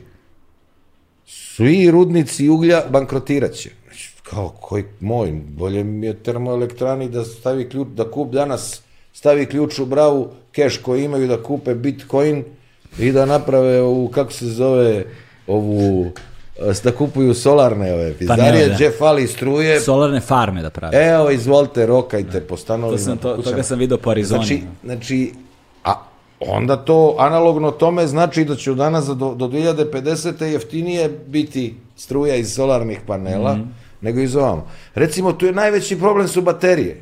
Znaš šta su indici napravili, čoveče? Indici su napravili uh, rezervar za struju, gde ti ne treba ni jedna baterija. Oni su, imam, oni su uzeli i napravili jednu dizalicu, jedan sistem dizalica preko dana kad imaš viška struje, prži sunce do jaja, dizalice dižu blokove od po 7-8 tona, jedan na drugi naslažu, troše struje, ž, vuab, vuab, vuab, vuab, dolazi noć, fali struje, oni spuštaju blokove, ž, dole. Kako spušta blok tako preko zupčanika, on fercera struju, jebote, ludilo, i, naš tu su gubici manji nego na baterijama. Da. Tako da je ta stvar, zamisli na kako... Kako se kinetička energija pretvara jednostavan u... Jednostavan način su oni to riješili. To je kada se razumeju osnovni elementi fizike na ispravan način. Pa najveći je problem razumjeti na ispravan način, to da. jest imati široku sliku. Mm. Da. To je i ovaj profesor isto govorio lepo, kaže, da kada govori o mini hidroelektranama Kaže, aluminijum hidroelektrane i da ih sve sprovedu zajedno u delo čine manji postotak. 5%. Da, eto, čine manji postotak električne energije proizvedene u odnosu na postotak električne energije koja se gubi samo kroz sve te konektore koji postoje na mreži već postojeći, kaže, samo kada bi svi došli i samo zategli lepo i postavili šrafove kako treba, veći postotak bismo uštedili Slažem nego proizveli se. kroz mini Slažem se, kad bi samo u Srbiji da. a, svima, kad bi država sad platila da odu po svim kućama i zamijene gumice na slavinama. Naročito oni što toplu vodu ovaj, i kad bi poslali svog električara da na bojlerima, umjesto da grije na 65 stepeni bojler, da grije na 55. Da. Znači već 20%. Tap, tap. Ima strašnu knjigu. Imate strašnu knjigu u PDF-u na internetu. Aleksandar Kovačević, doktor, predaje na Harvardu ekonomiju energetike. Ima knjigu u PDF-u, zove se Zaglavljeni u prošlost, gdje on lijepo objašnjava da tih magičnih 5-6% razvoja koja, koje državi treba, kriju se u energetskoj efikasnosti. Ove, to je, dakle, da, a ako nađemo link stavit ću ga u opis podcasta tako da ljudi mogu samo da kliknu dok nas slušaju i odmah da čitaju. Doktorski. Tako je, Eto. tako može.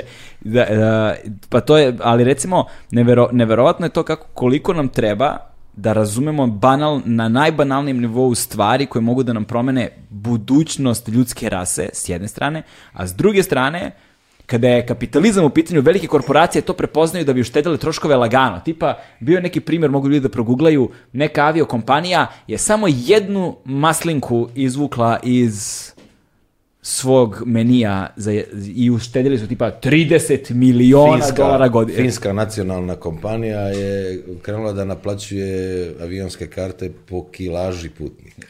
Jel da? Staneš na vagu, brate, koliko kila, toliko eura i jebi ga. I E, postigli su u recimo u pet godina se dogodilo da su ljudi krenuli da mršaju, ovi što često putuju, kao jebi ga ima 100 kila, ajde opet komatno, znaš, spostano svi šlang jebi ga, znaš, e, zamisli sad kad bi, kad bi stvarno to tako, jel, naplaćivo, pa evo to, samo, samo to da imaš, mislim, jeste, stvarno zvuči fašistički, ali izvini, molim te, ekologija stvarno sa sobom nosi neke oblike prinude. Jel? Da. I zamisli sad taj oblik prinude, da moraš da budeš mršav. Koliko bi se hrane i pića uštedilo, mesa, svega, evo te, koliko bi kanalizacija manje bila opterećena. Da. Manje jedeš, manje kenjaš, jel, nema šta, jel? Šta su Norvežani napravili? Norvežani, ili, ili zdravije kenjaš. Norvežani šta su napravili? Norvežani su toplotne pumpe, znaš toplotna pumpa je kao uzimaš energiju iz, od, odavde uzmem energiju i predam je ovde. Jel? Drugi Kelvinov zakon. Da, da, da, Ovo mijenja ovdje preko onog freona, mijenja svoje agregatno stanje, istrčno ugasovito, pa onda preuzima neku mm, toplotnu energiju i onda ovamo kad pređe u tečno, daje ovdje. Da, le, le, le. Norvežani su stavljali konzole od toplotnih pumpi u kanalizaciju, jer je naravno temperatura kanalizacije iz nekog neobičnog razloga 36 sa 5 stepeni. Je, a napolju minus 20, pa čekaj. Čekaj, se ne zajebao. E, Eto i tako dalje i tako dalje. Šta, tema je bila, šta, pra, istorija show biznisa. Tako je, istorija show biznisa. Izva, bra... izvaredna tema. Izvaredna. izvaredna je tema. Dakle, završili smo sa Beatlesima. Jasno nam je bilo da je... Sledeći medij poslije televizije bio je internet. Tako je, dakle jasno je bilo da je penicilin... Ja sam sad Beatles interneta sa ovim da. online koncertom. To da, je u stvari bre, poenta. Tako je, to je poenta, to je poenta. Ja sam Beatles interneta, nisam sad, ajde da kažem, i toliko mlad niti pjevam Shinge Binge, Strawberry Fields, ovo ono. Stro, strawberry Fields. Ne, nema, nemaš White album? Nemam, nemam ni. Znaš i kad su pitali, to je ludilo. Krenuli Beatlesi, krenuli kamioni, avioni, milioni, ludilo. Oni su jednog momenta više zarađivali nego, nego autoindustrija engleske izvozna, jel više iz, su oni pravili od izvoza. I sad kao šufu, oni sad ne znaju više gdje udaraju. We are all in a yellow submarine, da. yellow submarine, intervju sa ovim uh, uh Lennonom. A dobro, uh, izvinite, a što vam je to Yellow Submarine? On kaže, a što bi drugo moglo biti nego žuta kapsula LSD-a, jel? Ua, ludilo, jebe ga, krenu da se drogiraju svi u pičku materno, oni leže tamo na svom onom zamak, ludilo, šta su već kupili od neke babe jebi ga ludilo, znaš kako to izgleda po meni. ona leže, jedu govna, drogiraju se, op, silazi helikopter, ministar policije. Hal, cilindar, dobar dan, dobar dan. Momci, jebi ga, ja sam ministar policije, aha, aha, važi, dobro. Kaže, znate, imamo problem sa statistikama od trenutka kad ste vi javno krenuli da se deklarišete kako se drogirate i kako je to super, poraso nam je broj samoubistava za ovoliko, broj smrtnih slučajeva za ovoliko, broj ranjavanja ovoliko, požara ovoliko. I nešto sad moramo da radimo, jevi. Jo, vi se usrali, bitno si ga, kažem, vi uzrokujete sad toliko i toliko smrti više vi direktno vašim ponašanjem. E, kao, ovako, šta da radimo? Pa kaže, ha, treba promijenite imidž. Ne možete vi da budete uh, japi boys u odjelima, jer onda se identifikuju s vama svi japi boys, nego vi morate da izgledate kao marginalna društvena grupa.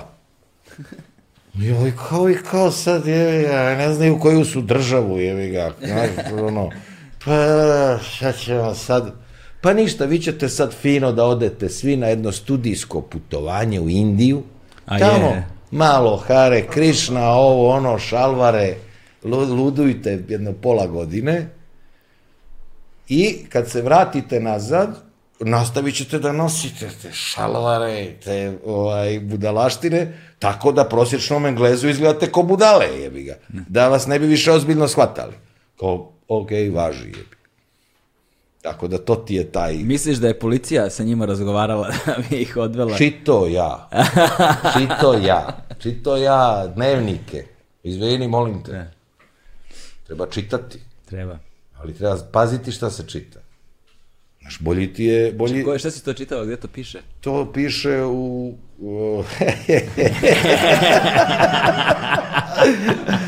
ne znam tačno ti kave.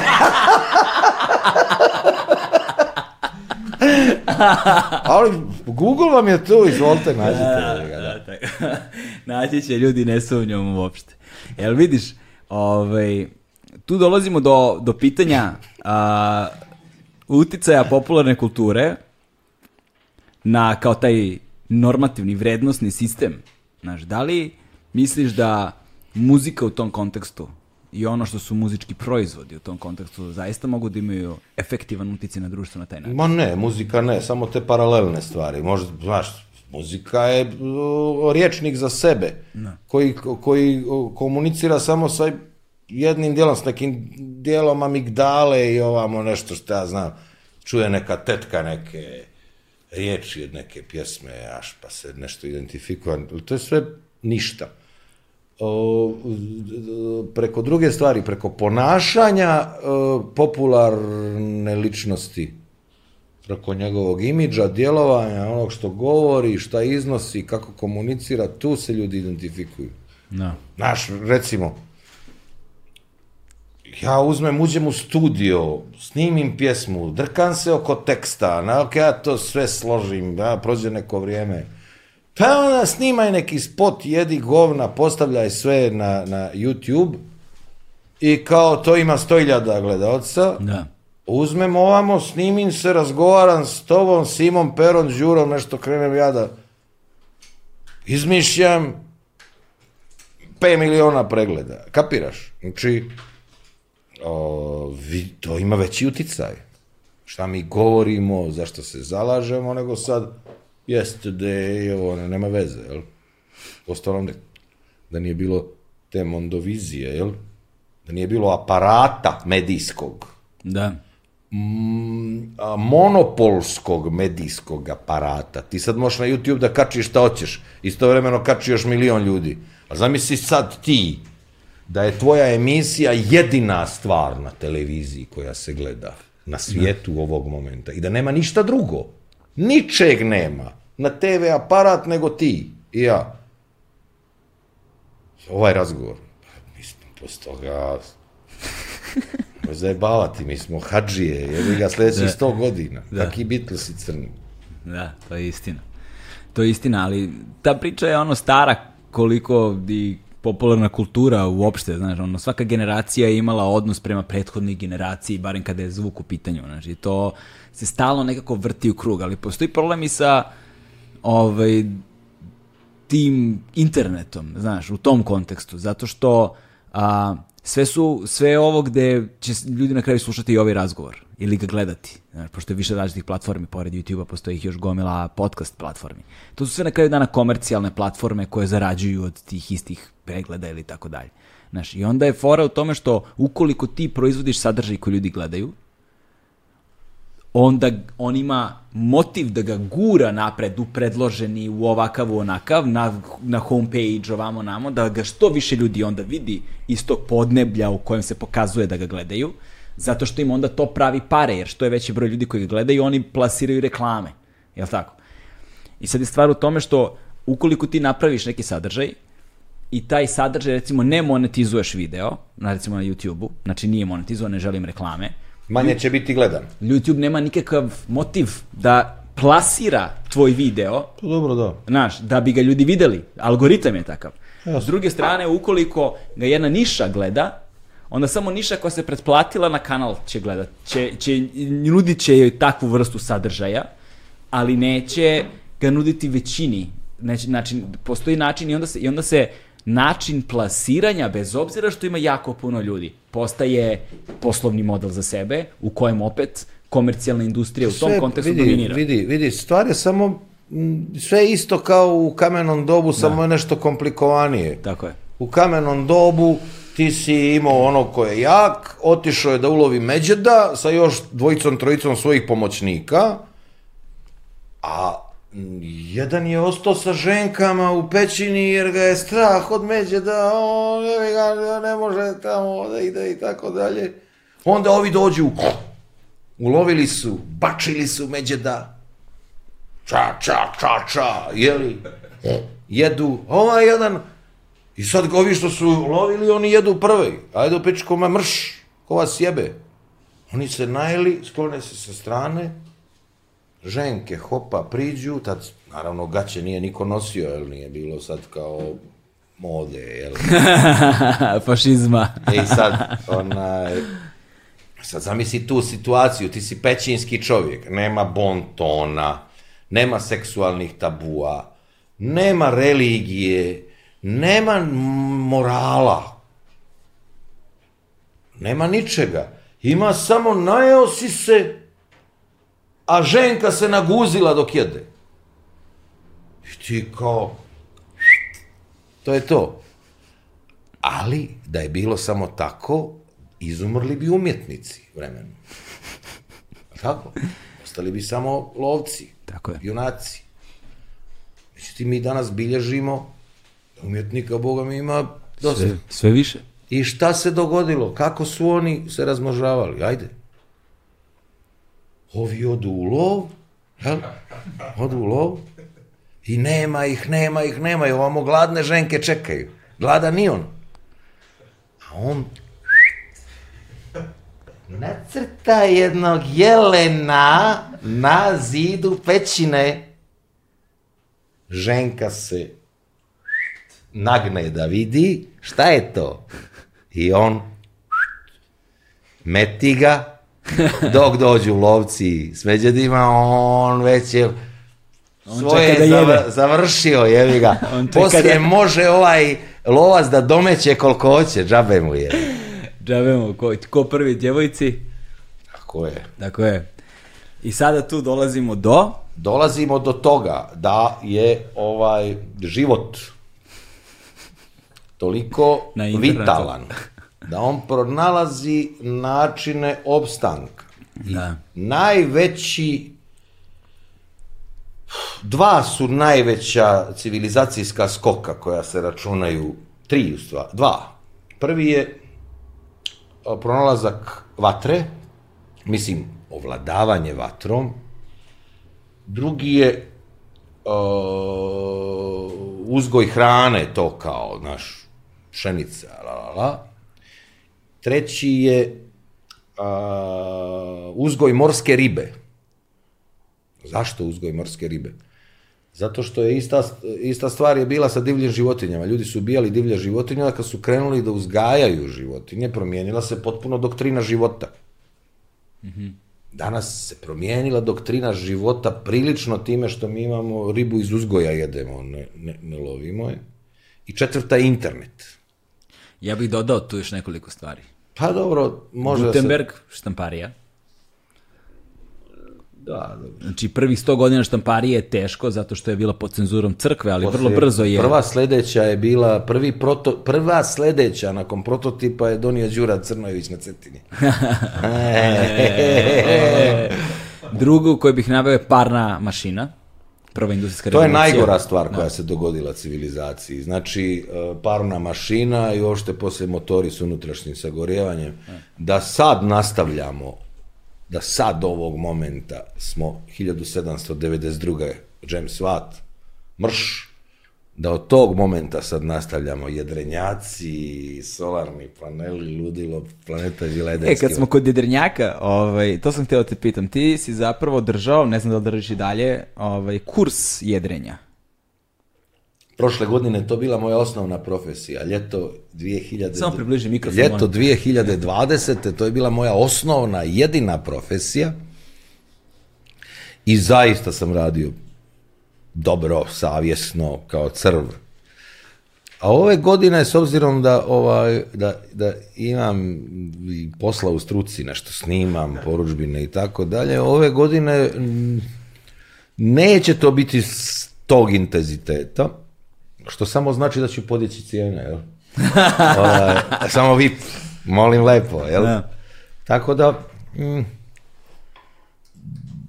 da, Bavim se time. Ovaj, e sada, pitanje. A, ko, koliko veliki broj, koji broj polaznika na kurs dolazi na kurs zato što si Rambo? 95%.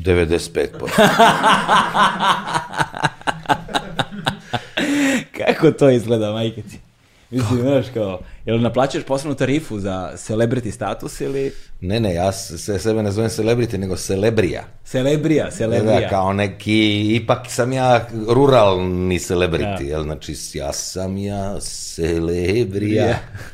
Prezivam se Pušić, služio sam stari kadar jedrenja. Ne, ne, ne, stari kadar, pa da. nešto bi trebalo neka više složna riječ koja zamjenjuje stradu, jel? Kao koja, zamenjuje, koja zamenjuje e, artiljeriju. Ne, ne, da, da, da, kao neka uh, ezoterija.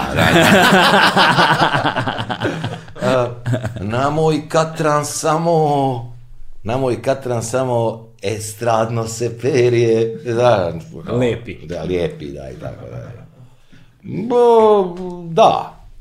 Mislim, s, trenutno zaista mislim o tome kako... Molim te mikrofon samo. Trenutno, trenutno zaista mislim o, o, o tome kako, kako sam mogao glatko da riknem sad od korone, ili da se nisam javio u bolnicu na vrijeme, ovo, ono, šu, fu, pap.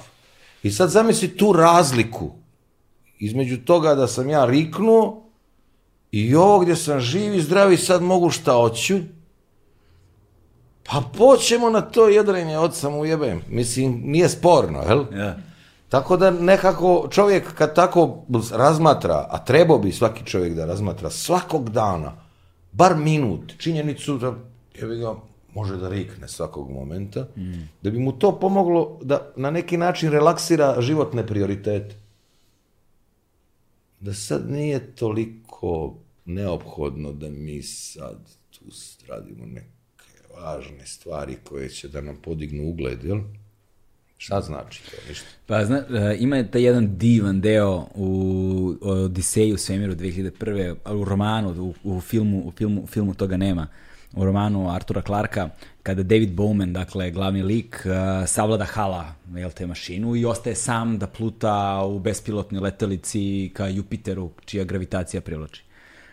U tom trenutku on se nalazi na mestu gde ni jedan čovek nikada ranije nije kročio. Svaki put kad pogleda kroz prozor, on je svojevrsni ambasador ljudske rase. Sve što vidi je prvi oči koje to vide. A njemu posle tri nedelje jebote postane dosadno. Znaš, posle tri postane... Da? Posle koji kurac, razumeš? Pogleda opet isto, sve mu dosadno mu, znaš. A što onda počne da mu nedostaje? Počinje mu nedostaje uh, miris trave, espresso jutarnji, znaš, zora, A, rosa. Ove majmunske stvari, da tako, da ne nedostaju tebi stvari. neke visokoparne da, stvari. Da. da. I tu kaže Arthur Clarka koja je navika, najveća ljudska vrlina i najveća ljudska mana, istovremeno. Jer da nema navike, mi ne bismo mogli da nastavimo s našim danom. Mi bismo se probudili ujutru i sve vreme bismo se oduševljavali do besvesti stvarima jao jutro, jao sunce, jao kiša, jao sneg, jao roža, jao rosa, jao pičke materine, znaš. S druge strane, znači ta navika, habituacija, dakle, na našu sredinu nas tera napred, je element progresa. Ali zato što nas tera napred, nam onemogućava istovremeno da vidimo te stvari koje je neophodno da vidimo da bismo istovremeno mogli da nastavimo napred. Tako da navika i to posmatranje života unazad posle takvih iskustava pa možda jeste tu da bude nakon takvih iskustava, znaš. Pa znaš šta, recimo, meni su se ukusi intenzivirali. Zaista? Da, da, da, da, ja sad imam, znaš, psihološka stvar. A čekaj, ajde samo pre toga, koliko je bila ozbiljna tvoja situacija? Uopšte nije bila ozbiljna, iz moje perspektive. Ja sam, mis, kao, aha, tu sam ja nešto, malo su me stavili u bolnicu i tako da, ja se osjećao dobro. Imao sam visoku temperaturu. Koliko? 39 sa 7 sam imao jedno jutro tamo. Jel? Da. Kada je to bilo? Pa prije, kad Ivan? Prije, kad sam bio u bolnicu? Prije 20 dana sam bio. Okay. Eto, ok, tu smo, da. Ni, dobro. Da, 20 dana, mjesec dana. Okay. Pošto mi smo se videli pre toga nešto, yes. da. I ovaj, nemaš ti iznutra, nemaš taj odnos da sad je nešto ozbiljno i tako dalje. Međutim, znaš, ležiš i kao ja sam naravno donio laptop, da što i ti ovako ovdje onaj kurac, ona infuzija, ali kao važi, jel, šingi bingi. I kao... Umro Đorđe Belašević, ili? Da. E, sad, vala, mislim, ako on nije bio civilizovan toliko da ide kod doktora na vrijeme i ako doktori nisu bili ispucali na njega sav arsenal svega što je trebalo da bi ga i kao da, aha kao pa moš, mogu ja kao da šta bi sad ja bio tu ne dobro, nema veze, to sve prođe, ono, ono, skinut, ajde kući, dođeš kući i sve ima novi ukus potpuno. Kao, wow, wow, wow, wow, vidi ovo, vidi ono, kako ima dobre ukuse. I naravno prioriteti. Ja sad, onaj, u bolnici mi je obsesivno, kompulsivno nedostajala ta moja gitara koju nikad ne dovatam. Ja sam iz nekih fetiš potpuno razloga, nakon jedne turneje kad sam nešto malo zaradio, kupio Gibson L5, onaj debeli za džez, što sviraju džez majstori. Ja sam obsesivno, kompulzivno čekao kad ću da dođem kući da ga, da ga malo ovaj, drndam. Ja ti sad ujutro drndam, prebiram po njemu, drndam, sviram i uživam i uživam, u, jednostavno, mnogo više uži, uživam u svemu. Mm. Tako da je to jako važno da ljudi, znaš, ljudi, ljudima pređe u naviku da budu živi. Izvinjavam se. To što smo živi, to je slučajno. Da. Ljudima pređe lako u naviku da budu živi, a? Da, da. A? Aha. Kao naviknu se u pičku. I sad kao, taman se navikneš, ono ode u pičku maternu. Čekaj, pa znači nije to sad dato ti za uvijek, to je slučajno. Jel? Da, u velikoj meri. Jer mnogo više ti kad sagledavaš od postanka od Big Benga do danas, ja sam mnogo duže vremena bio mrtav nego živ. Odnosno ne živ. Pa jevi, valjda moraš da živiš da bi umro, ali si bio ne. Bio sam ne. Znači, Meni mnogo, bio... mnogo više sam ne postojao nego postojao. I to koliko više. Znači, samo jedan mali segment tog ništavila je je ovo što živim. Mm. A ja se kao već naviko, već kao evo te, to, ja živ sam. A pritom zjapi prije tebe koliko od Big Benga, a još od prije Big Benga ako računamo, koliko je trebalo čekat da se Big Bang uopšte dogodi. Mm. Zašto se dogodio Big Bang? Ne znam, slušam. Ok. Tu sam. Da, dakle, sad samo logiku koristim, ništa drugo. Ok, fokus. Ako je naše poimanje vremena i prostora takvo da možemo da zamislimo da su jedno i drugo neograničene. Ne možemo da im sagledamo granice, da je vrijeme neograničeno. Da, da ono je moramo da razumijemo da je vrijeme počela da se računa od Big Benga, mm -hmm. a da je prije toga isto zjapilo nešto. Mm -hmm. Zašto ne možemo da kažemo da je vrijeme, jer se ni ništa događalo. Koliko dugo je sad to zjapilo? To jeste.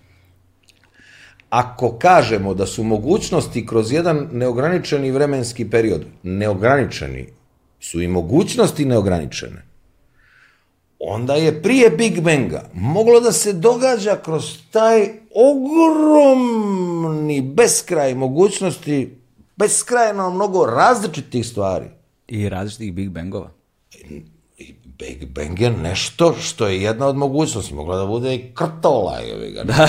da. Bilo šta. Vreća da. krtole. Zašto? Why not? Why not, da. E, zašto se dogodio Big Bang? Pa why not? Jedna od mogućnosti. Ne, tap, da. kada, tap. Da. Kada, što više vremena protiče, verovatnoće da se stvari dese približava se apsolutnoj jedinici. Tako da je vjerovatnoća... Tu je, tu je, ona priča o, o, o milion majmuna na milion pisaćih mašina. Koji će ne, jedan, jedan koji dovoljno dugo... Dugo kuca, e, iskucat Šekspira da. u jednom trenutku. Je, da, da, ali najveće je što posle, ne znam, 800 milijardi godina, e, pošto kao slobodit će ga ako iskuca sva dijela od Šekspira. Ne. Da. Poslije 800 milijardi kvazar miliona godina ove sudije kao gledaju, gledaju, gledaju, gledaju, gledaju, kao pogriješio na zadnjoj strani onaj. onaj Anterfile, onaj, kao, o, kao jevi ga. Je, nego, iz početka jevi. Nego po, ali a, onda smo dobili internet i shvatili smo da se to nikad neće desiti. Ovaj, ne, nego smo shvatili da se sve događa odmah, istovremeno i ovog momenta i da je, da napokon smo suočeni sa sobstvenom, sobstvenim ograničenjem, gde u stvari samo od našeg ličnog ograničenja, sve znaš, zavisi. Znaš šta mi je takođe zanimljiv fenomen, volio bih da čujem tvoje mišljenje na tu temu. Internet je donio nešto što nikada ranije nije postojalo. Instant gratifikaciju. Či znači, ti snimiš nešto, ode online i ti uživo gledaš da li je to uspešno ili nije uspešno. Znaš, nekakvi uh, pokazatelji su uvek tu. Šta to je isto ko na, na, nivou, a... na nivou, na nivou ovaj... O na nivou mm, ove mm, aminokiseline u prasupi koja je kao sad samo ona aminokiselina koja je imala sposobnost da se podijeli i mhm. razmnoži je opstala, jel? Tako i to, to su sad neke aminokiseline sadržaja, neke će da opstanu, neke neće.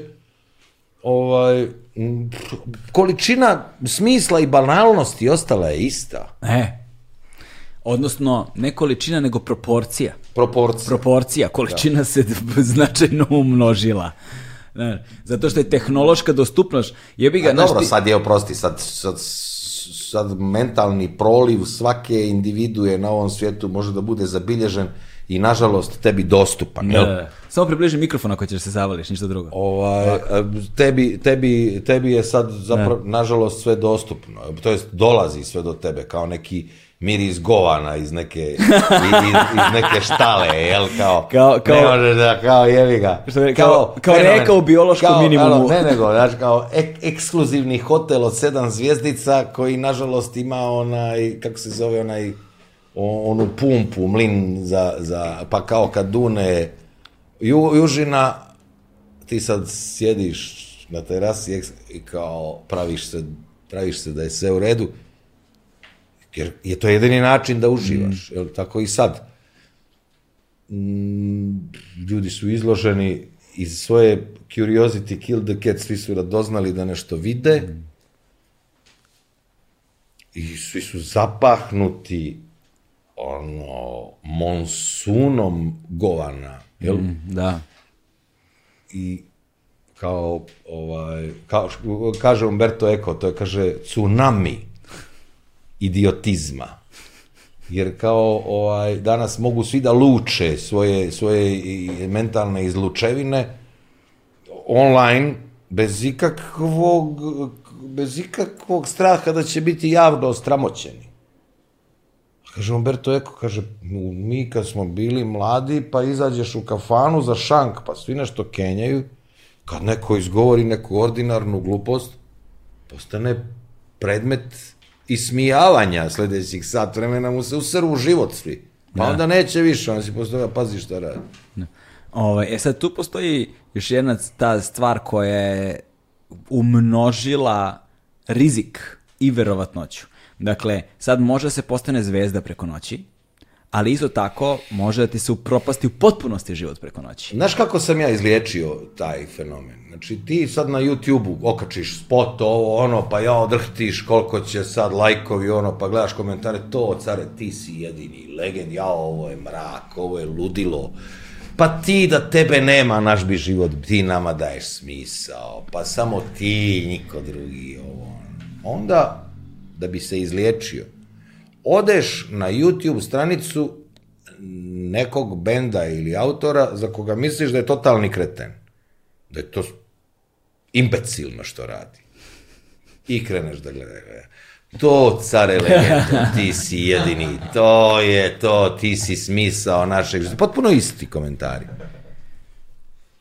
I ti onda shvatiš da, da, da je ta e, jav, internet javnost koju smo sad dobili, zapravo je svaki onaj ko želi da ima neke sledbenike ih dobio i zavisno od toga koliko zahvata u, taj najmanji zajednički sadržala sukusa, zapravo koliki je idiot, jel?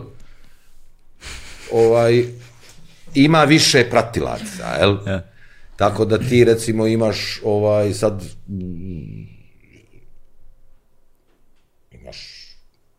razne fenomene, jel, koji imaju mi više milionske, ti imaš 100 miliona pratilaca nečeg što je potpuno besmisleno, jel? Da. I tome ne možeš da pariraš. Ni na koji način.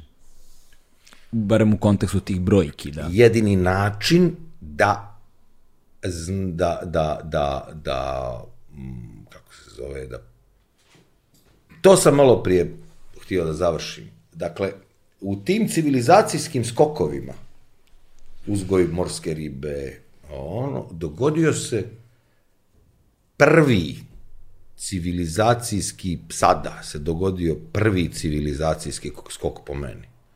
Ušli smo u eon, u, u, u, u, u hiatus, u, u, u eru, kada je sa stanovištva mogućnosti opstanka i produžetka vrste, Darvinovski gledano, prvi put sada od postanka čovjeka do danas veća mogućnost da opstaneš ako si obrazovaniji nego ako si neobrazovaniji. Ima više šansi da se reprodukuješ Ako si pismen. Ako si pismen. Dođeš na aerodrom u Kopenhagen i imaš samo dvije mogućnosti. Jedna je da čitaš na engleskom, njemačkom, danskom, francuskom i klikćeš tamo vong, vong, vong, vong, karta, ovo, znači možeš da imaš dobru dioptriju za čitanje, nema foliranja. Nema kao kod pola pota, aha, nosi naučar, intelektualac, pljasan. Nema ništa, znači moraš, to je, to je jedan, ili dva, da zombiraš i da, i da dođe do tebe onaj, kako se zove, shit, sa onom, Aha, da, da, da, da, da. glavi koji ima onu žutu S, to su ne, sunit e, sik sik sik da, sik sik sik da dođe sik. po tebe obuče uniformu i s turbanom e, i e, da te gnik, gnik, gnik, da te ovaj odvede u uh, sanitarnu službu. Tamo te okupaju, da, da, da. nasapunjaju, šmrkom te isperu, daju ti okače ti oko vrata neki zdravstveni karton i noga u bulju, mršu državu, dakle si došao, kao ovdje za mentalno za ostale nema mjesta, jel? Tako da, ovaj, darvinistički sad gledano, darvinistički gledano... Prilagodi se ili... Da, dar, darvinistički gledano ti sad imaš ovaj ambijent korone, u kojoj imaš teoretičare zavire koji ne vjeruju to i namjerno i za inat se okupljaju. I kao, druže, jel, što i smanjuje mogućnost da se reprodukuju. Statistički sigurno, jel? Da. E,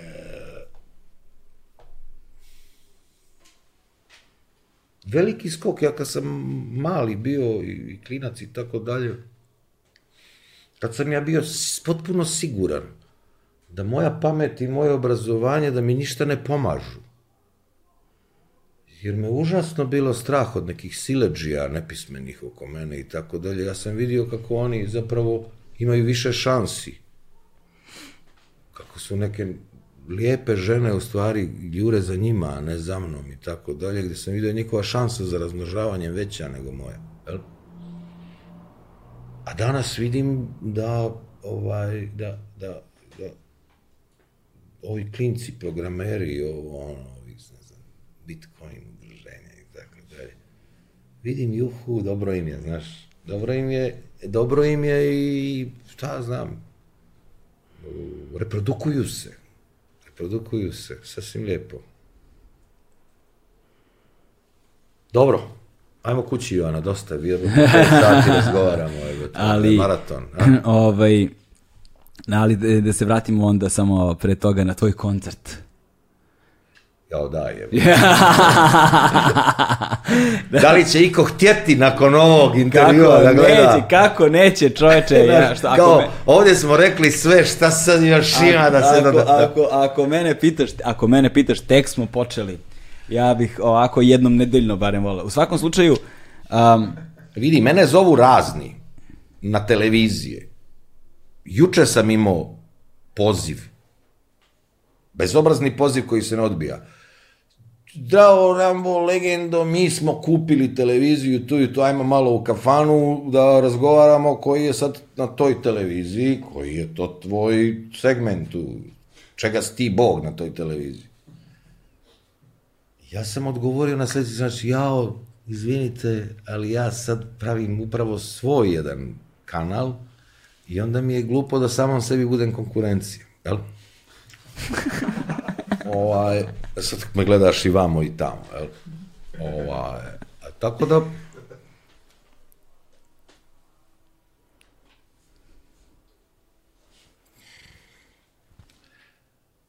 e, ranije, do, prije, do juče, televizija je bila kamere, antena, zgrada, cigle, urednik, obezbjeđenje, uh, državna frekvencija. Pičke materne si morao da imaš. Danas je to samo sadržaj. Imaš sadržaj. Hej, evo, majko, kamera, nabavit ćemo na buvljak, ono, daj mi mikrofon, evo, zima, pera, žikala za, sve ima sadržaj. Imaš sadržaj, nemaš sadržaj. Imamo sadržaj. Jel? Tako je. A ovo ostalo jebe, umilo majku, nabavit ćemo, šta Skrpit treba. Skrpit ćemo se, tako Skrpit ćemo, jel? Apsolutno tačno. Tako da, hajde. Ti znaš ove američke televizije, ABC, BBC, ono, to je televizija koja je oslovljena na jednog čovjeka. No. Da. Imaš ovog David Ledermana ili onog drugog, jel? David Attenborough la, la, on je kao tu i to je ti je čitava televizija. Nema ništa. Ovi nešto perceraju ujutro bez veze, sve i čekaju uveče njega. Oslanjaju se na autoritet jednog čoveka. I jednog momenta čovjeka koji je pametan, dobar, zabavan, ljudi se vežu za njega, hoće da ga gledaju svaki dan. Tako je. E, bude, uj, to je to. A ne treba dozvoliti kulminaciju, coitus interruptus, tako divlje svinje, pošto da. se ne da. plaši ničega, onda on ga meti i uživa jebi ga. Neko zec, zec se plaši svega. On rk, ide. Tako. I čovjek isto, čovjek ima problem isto. E, na šta, te, na, šta, na šta sam teo da te pitam zapravo, ovaj, još jednu stvar sam teo da te pitam, ono, mit koji gruži, ali ja ne znam koliko ima istine utemeljene u njemu. Turbo folk, imenovanje celog fenomena, turbo folk, ovaj, ljudi pričaju da si ti imenovao Turbo Folk. Je li to istina? Jeste, jeste. Ja sam na svojoj prvoj ploči od Tugo Jesenja napisao uh mhm. -huh. Turbo Folk, jer je kao jer kao taj pravac muzike koji sam ja tad izložio, jel, kao rita mašine, sekvenceri, i o, o zavijanje, moraju da ima neko ime. I onda smo rekli, a, a, a, to, jer u to vrijeme je sve bilo turbo. Ne. Da.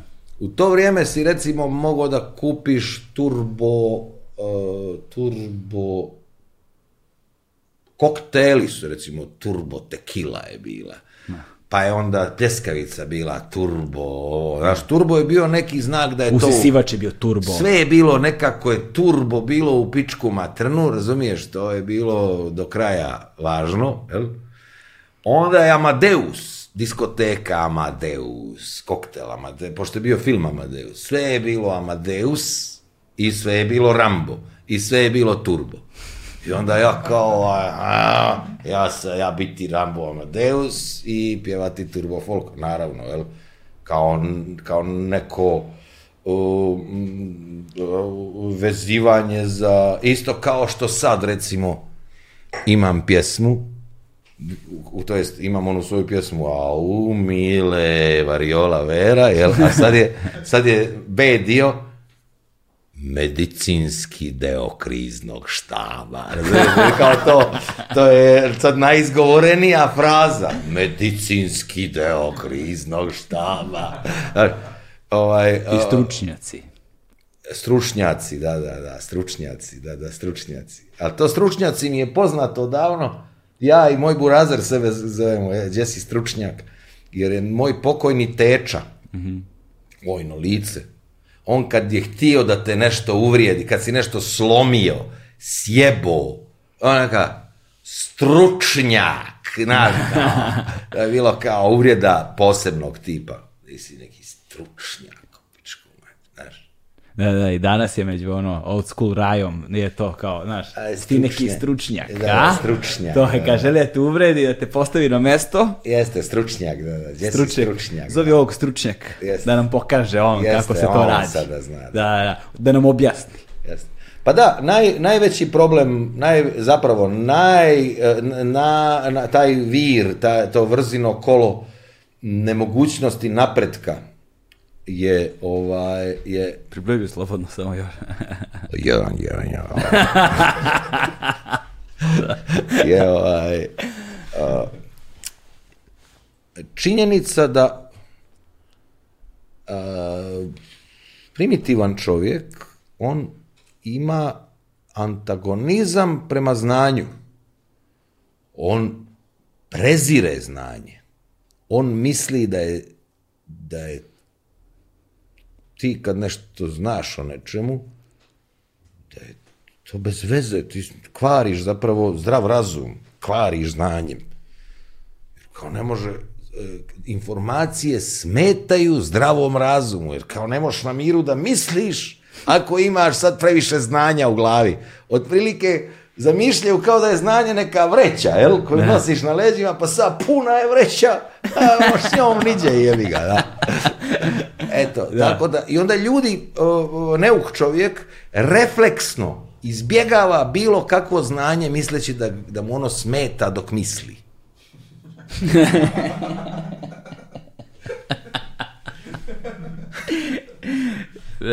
Teško da može bolje od ovoga.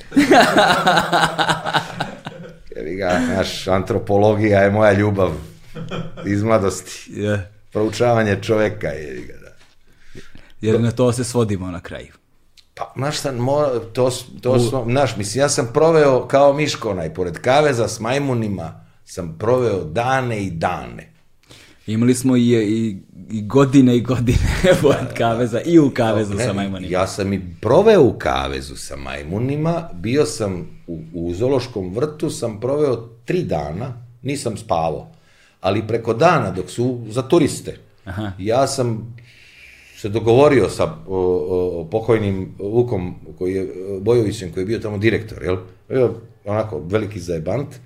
Ja sam mu došao jedan dan i rekao, uče, znaš, ja želim da pun mi je kurac svega, hoću da mi obezbediš kavez, u kavezu da bude televizor, da imam za jesi popit frižider, piva, ovo, ono, i na kavezu da piše homo sapiens živi prosječno toliko i toliko, mužjaci dostižu kilažu toliko i toliko, razmnožavaju se na taj način, taj način, izvanredno su razdražljivi, nemojte da im se obraćate. On kaže, Rambo, ćeš stvarno? Ja kažem, hoću stvarno, pa kaže, ti znaš da ćemo zbog toga da podignemo prihod zološkog vrka, da će dole... Sve, o, je, sve se odričem svakog dinara u korist majmuna. Sve daj njima, boli me, kure. I ja sam ti tu proveo tri dana, ima video zapis, sve ima. Homo sapiens, ja sam proveo, samo sam tražio da imam ja mali onaj, radio kastofon i ono što nije možda bilo e, imanentno tom, ovaj, kako se zove, nije bilo ok, puštao sam Bill Evansa sebi. homo sapiens, slobodno vreme sluša jazz. Ili... A tražio sam od Vuka, Vuk, odmah smo se snašli, jer dolazili su ljudi, znaš, pa oko, a, znaš, gledaju. Pa, Samo mikrofon, molim te. Znaš, prilaze, pa kao, e, nešto. E, onda sam tražio, sam na 20-30 kila banana, i kako ko dođe, ja mu dam banana. bananu. Pa Pružim, kao, izvalite, kad ste bananu, može, jebi ga, izvalite. Kada je to bilo? Kada je bilo, pa ne znam, tamo, 2000, ne znam, između 2000 pete, ne znam, ne, tako nešto. Tako nešto, tako nešto, tako nešto. Ajde sad samo za kraj, molim te, ovaj, um, tvoj koncert, da se postio malo tvom online koncertu, prvo kada je? Piše sve. Sve vam piše. Ok, dakle... Sve vam za... piše, ta, tu i tu, tad i tad, Ovaj, a, uh, Za one mislim, koji ne znaju, u opisu ovog u podcasta... opisu piše sve. Ako nas slušate na podcast platformama, takođe u opisu podcasta stoji Znači, link. sve piše, ima li kao klok, klok. Kao, Klok, to. Da. I mogu i koliko košta karta. ne no je džabe.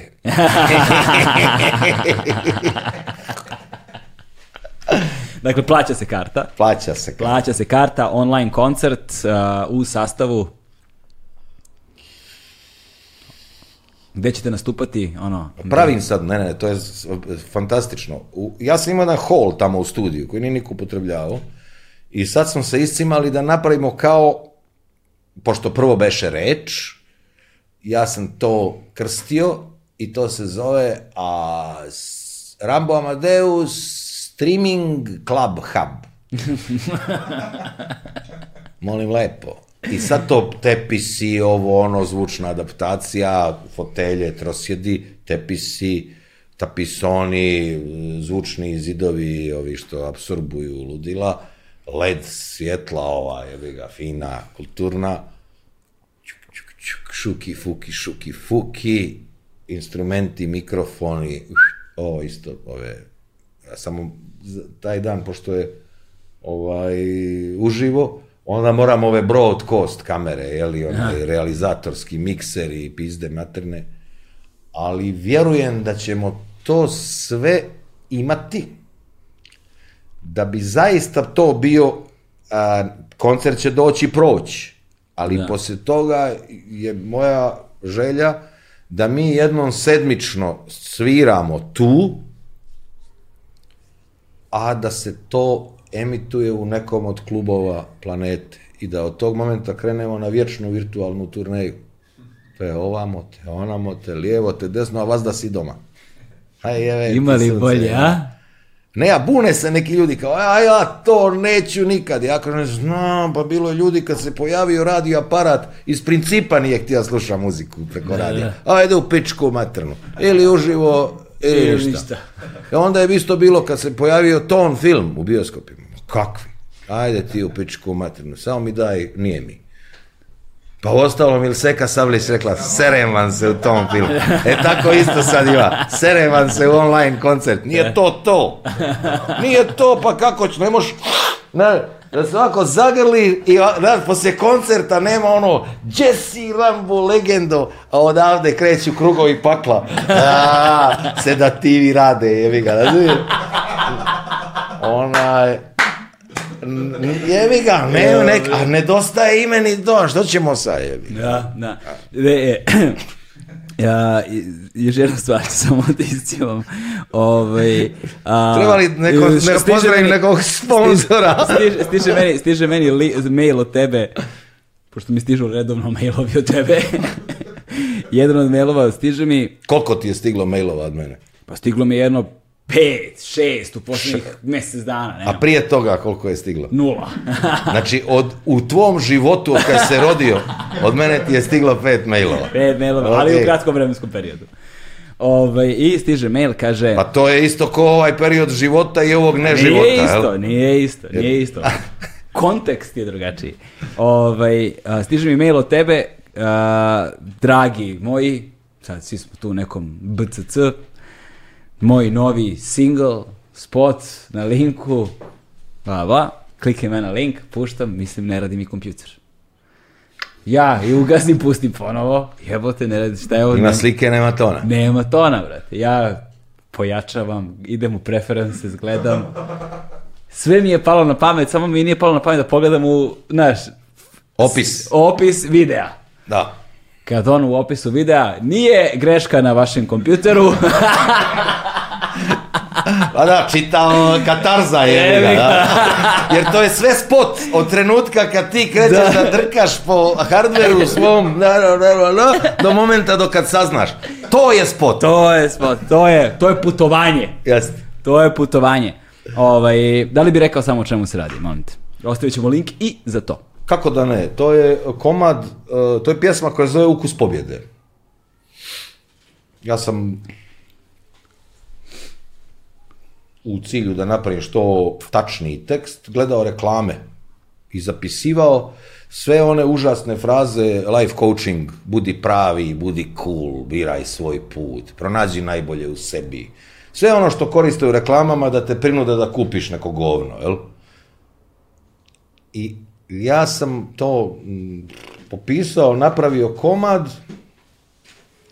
i pošto je, sam umetnuo stih jedi govna, između svih tih budi pravi, budi cool, jedi govna, meni je, ja sam strašno želio da vidim kako tumač za, za, za ovaj, za tumač za jezik uh, gluonijemih, kako prevodi jedi govna, jel? Ono. I onda sam se obratio ovom udruženju tumača za znakovni jezik, poslao im pjesmu, poslao im tekst i pitao da li postoji mogućnost da napravimo video spot u kome bi oni preveli taj tekst. Dobio sam ovakav. Dragi Rambo, uspjeli smo u životu. Čitav dan danas ovdje u druženju kažemo mi smo uspjeli, javio nam se Rambo mi dođi, molim te da razgovaramo i naši članovi udruženja bi voljeli da učestvuju u tom spotu. Ja sam došao, upoznao se s ljudima, upoznao se s ljudima oštećenog sluha, la, la, la. tamo smo imali neku radionicu, razgovarali. Oni imaju svoju videokameru, hromaki, sve, la, la, la, la, la, dogovorili smo se da oni naprave ovaj spot. I u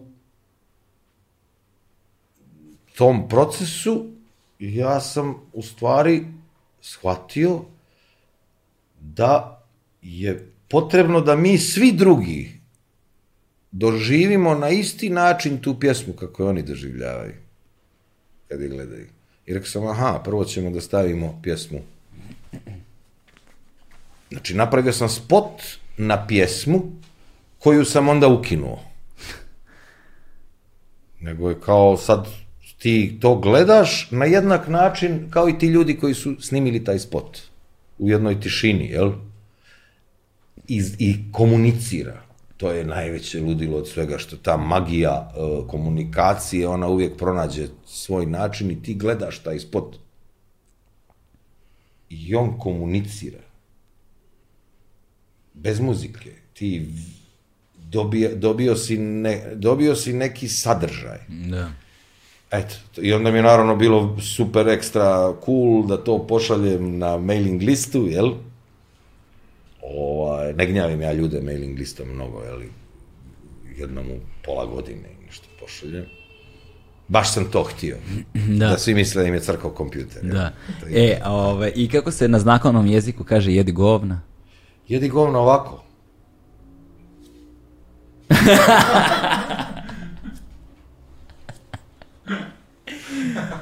u duhu toga... Ne, izvinjam se. Ovako. Top. da si to znao u kavezu, onda mnogo bi ti značilo. Pa čovjek se uči dok je živ. Rambo, Antonije, hvala ti puno. Hvala ti hvala puno. Hvala tebi. Ovaj, zadovoljstvo je bilo stvarno. Hvala ti puno na vremenu, na dobroj volji, na svemu ovaj, i nastavljamo da se šetamo kejom. Važi. Hvala vama svima, stigli smo do kraja, to je to. Ćao.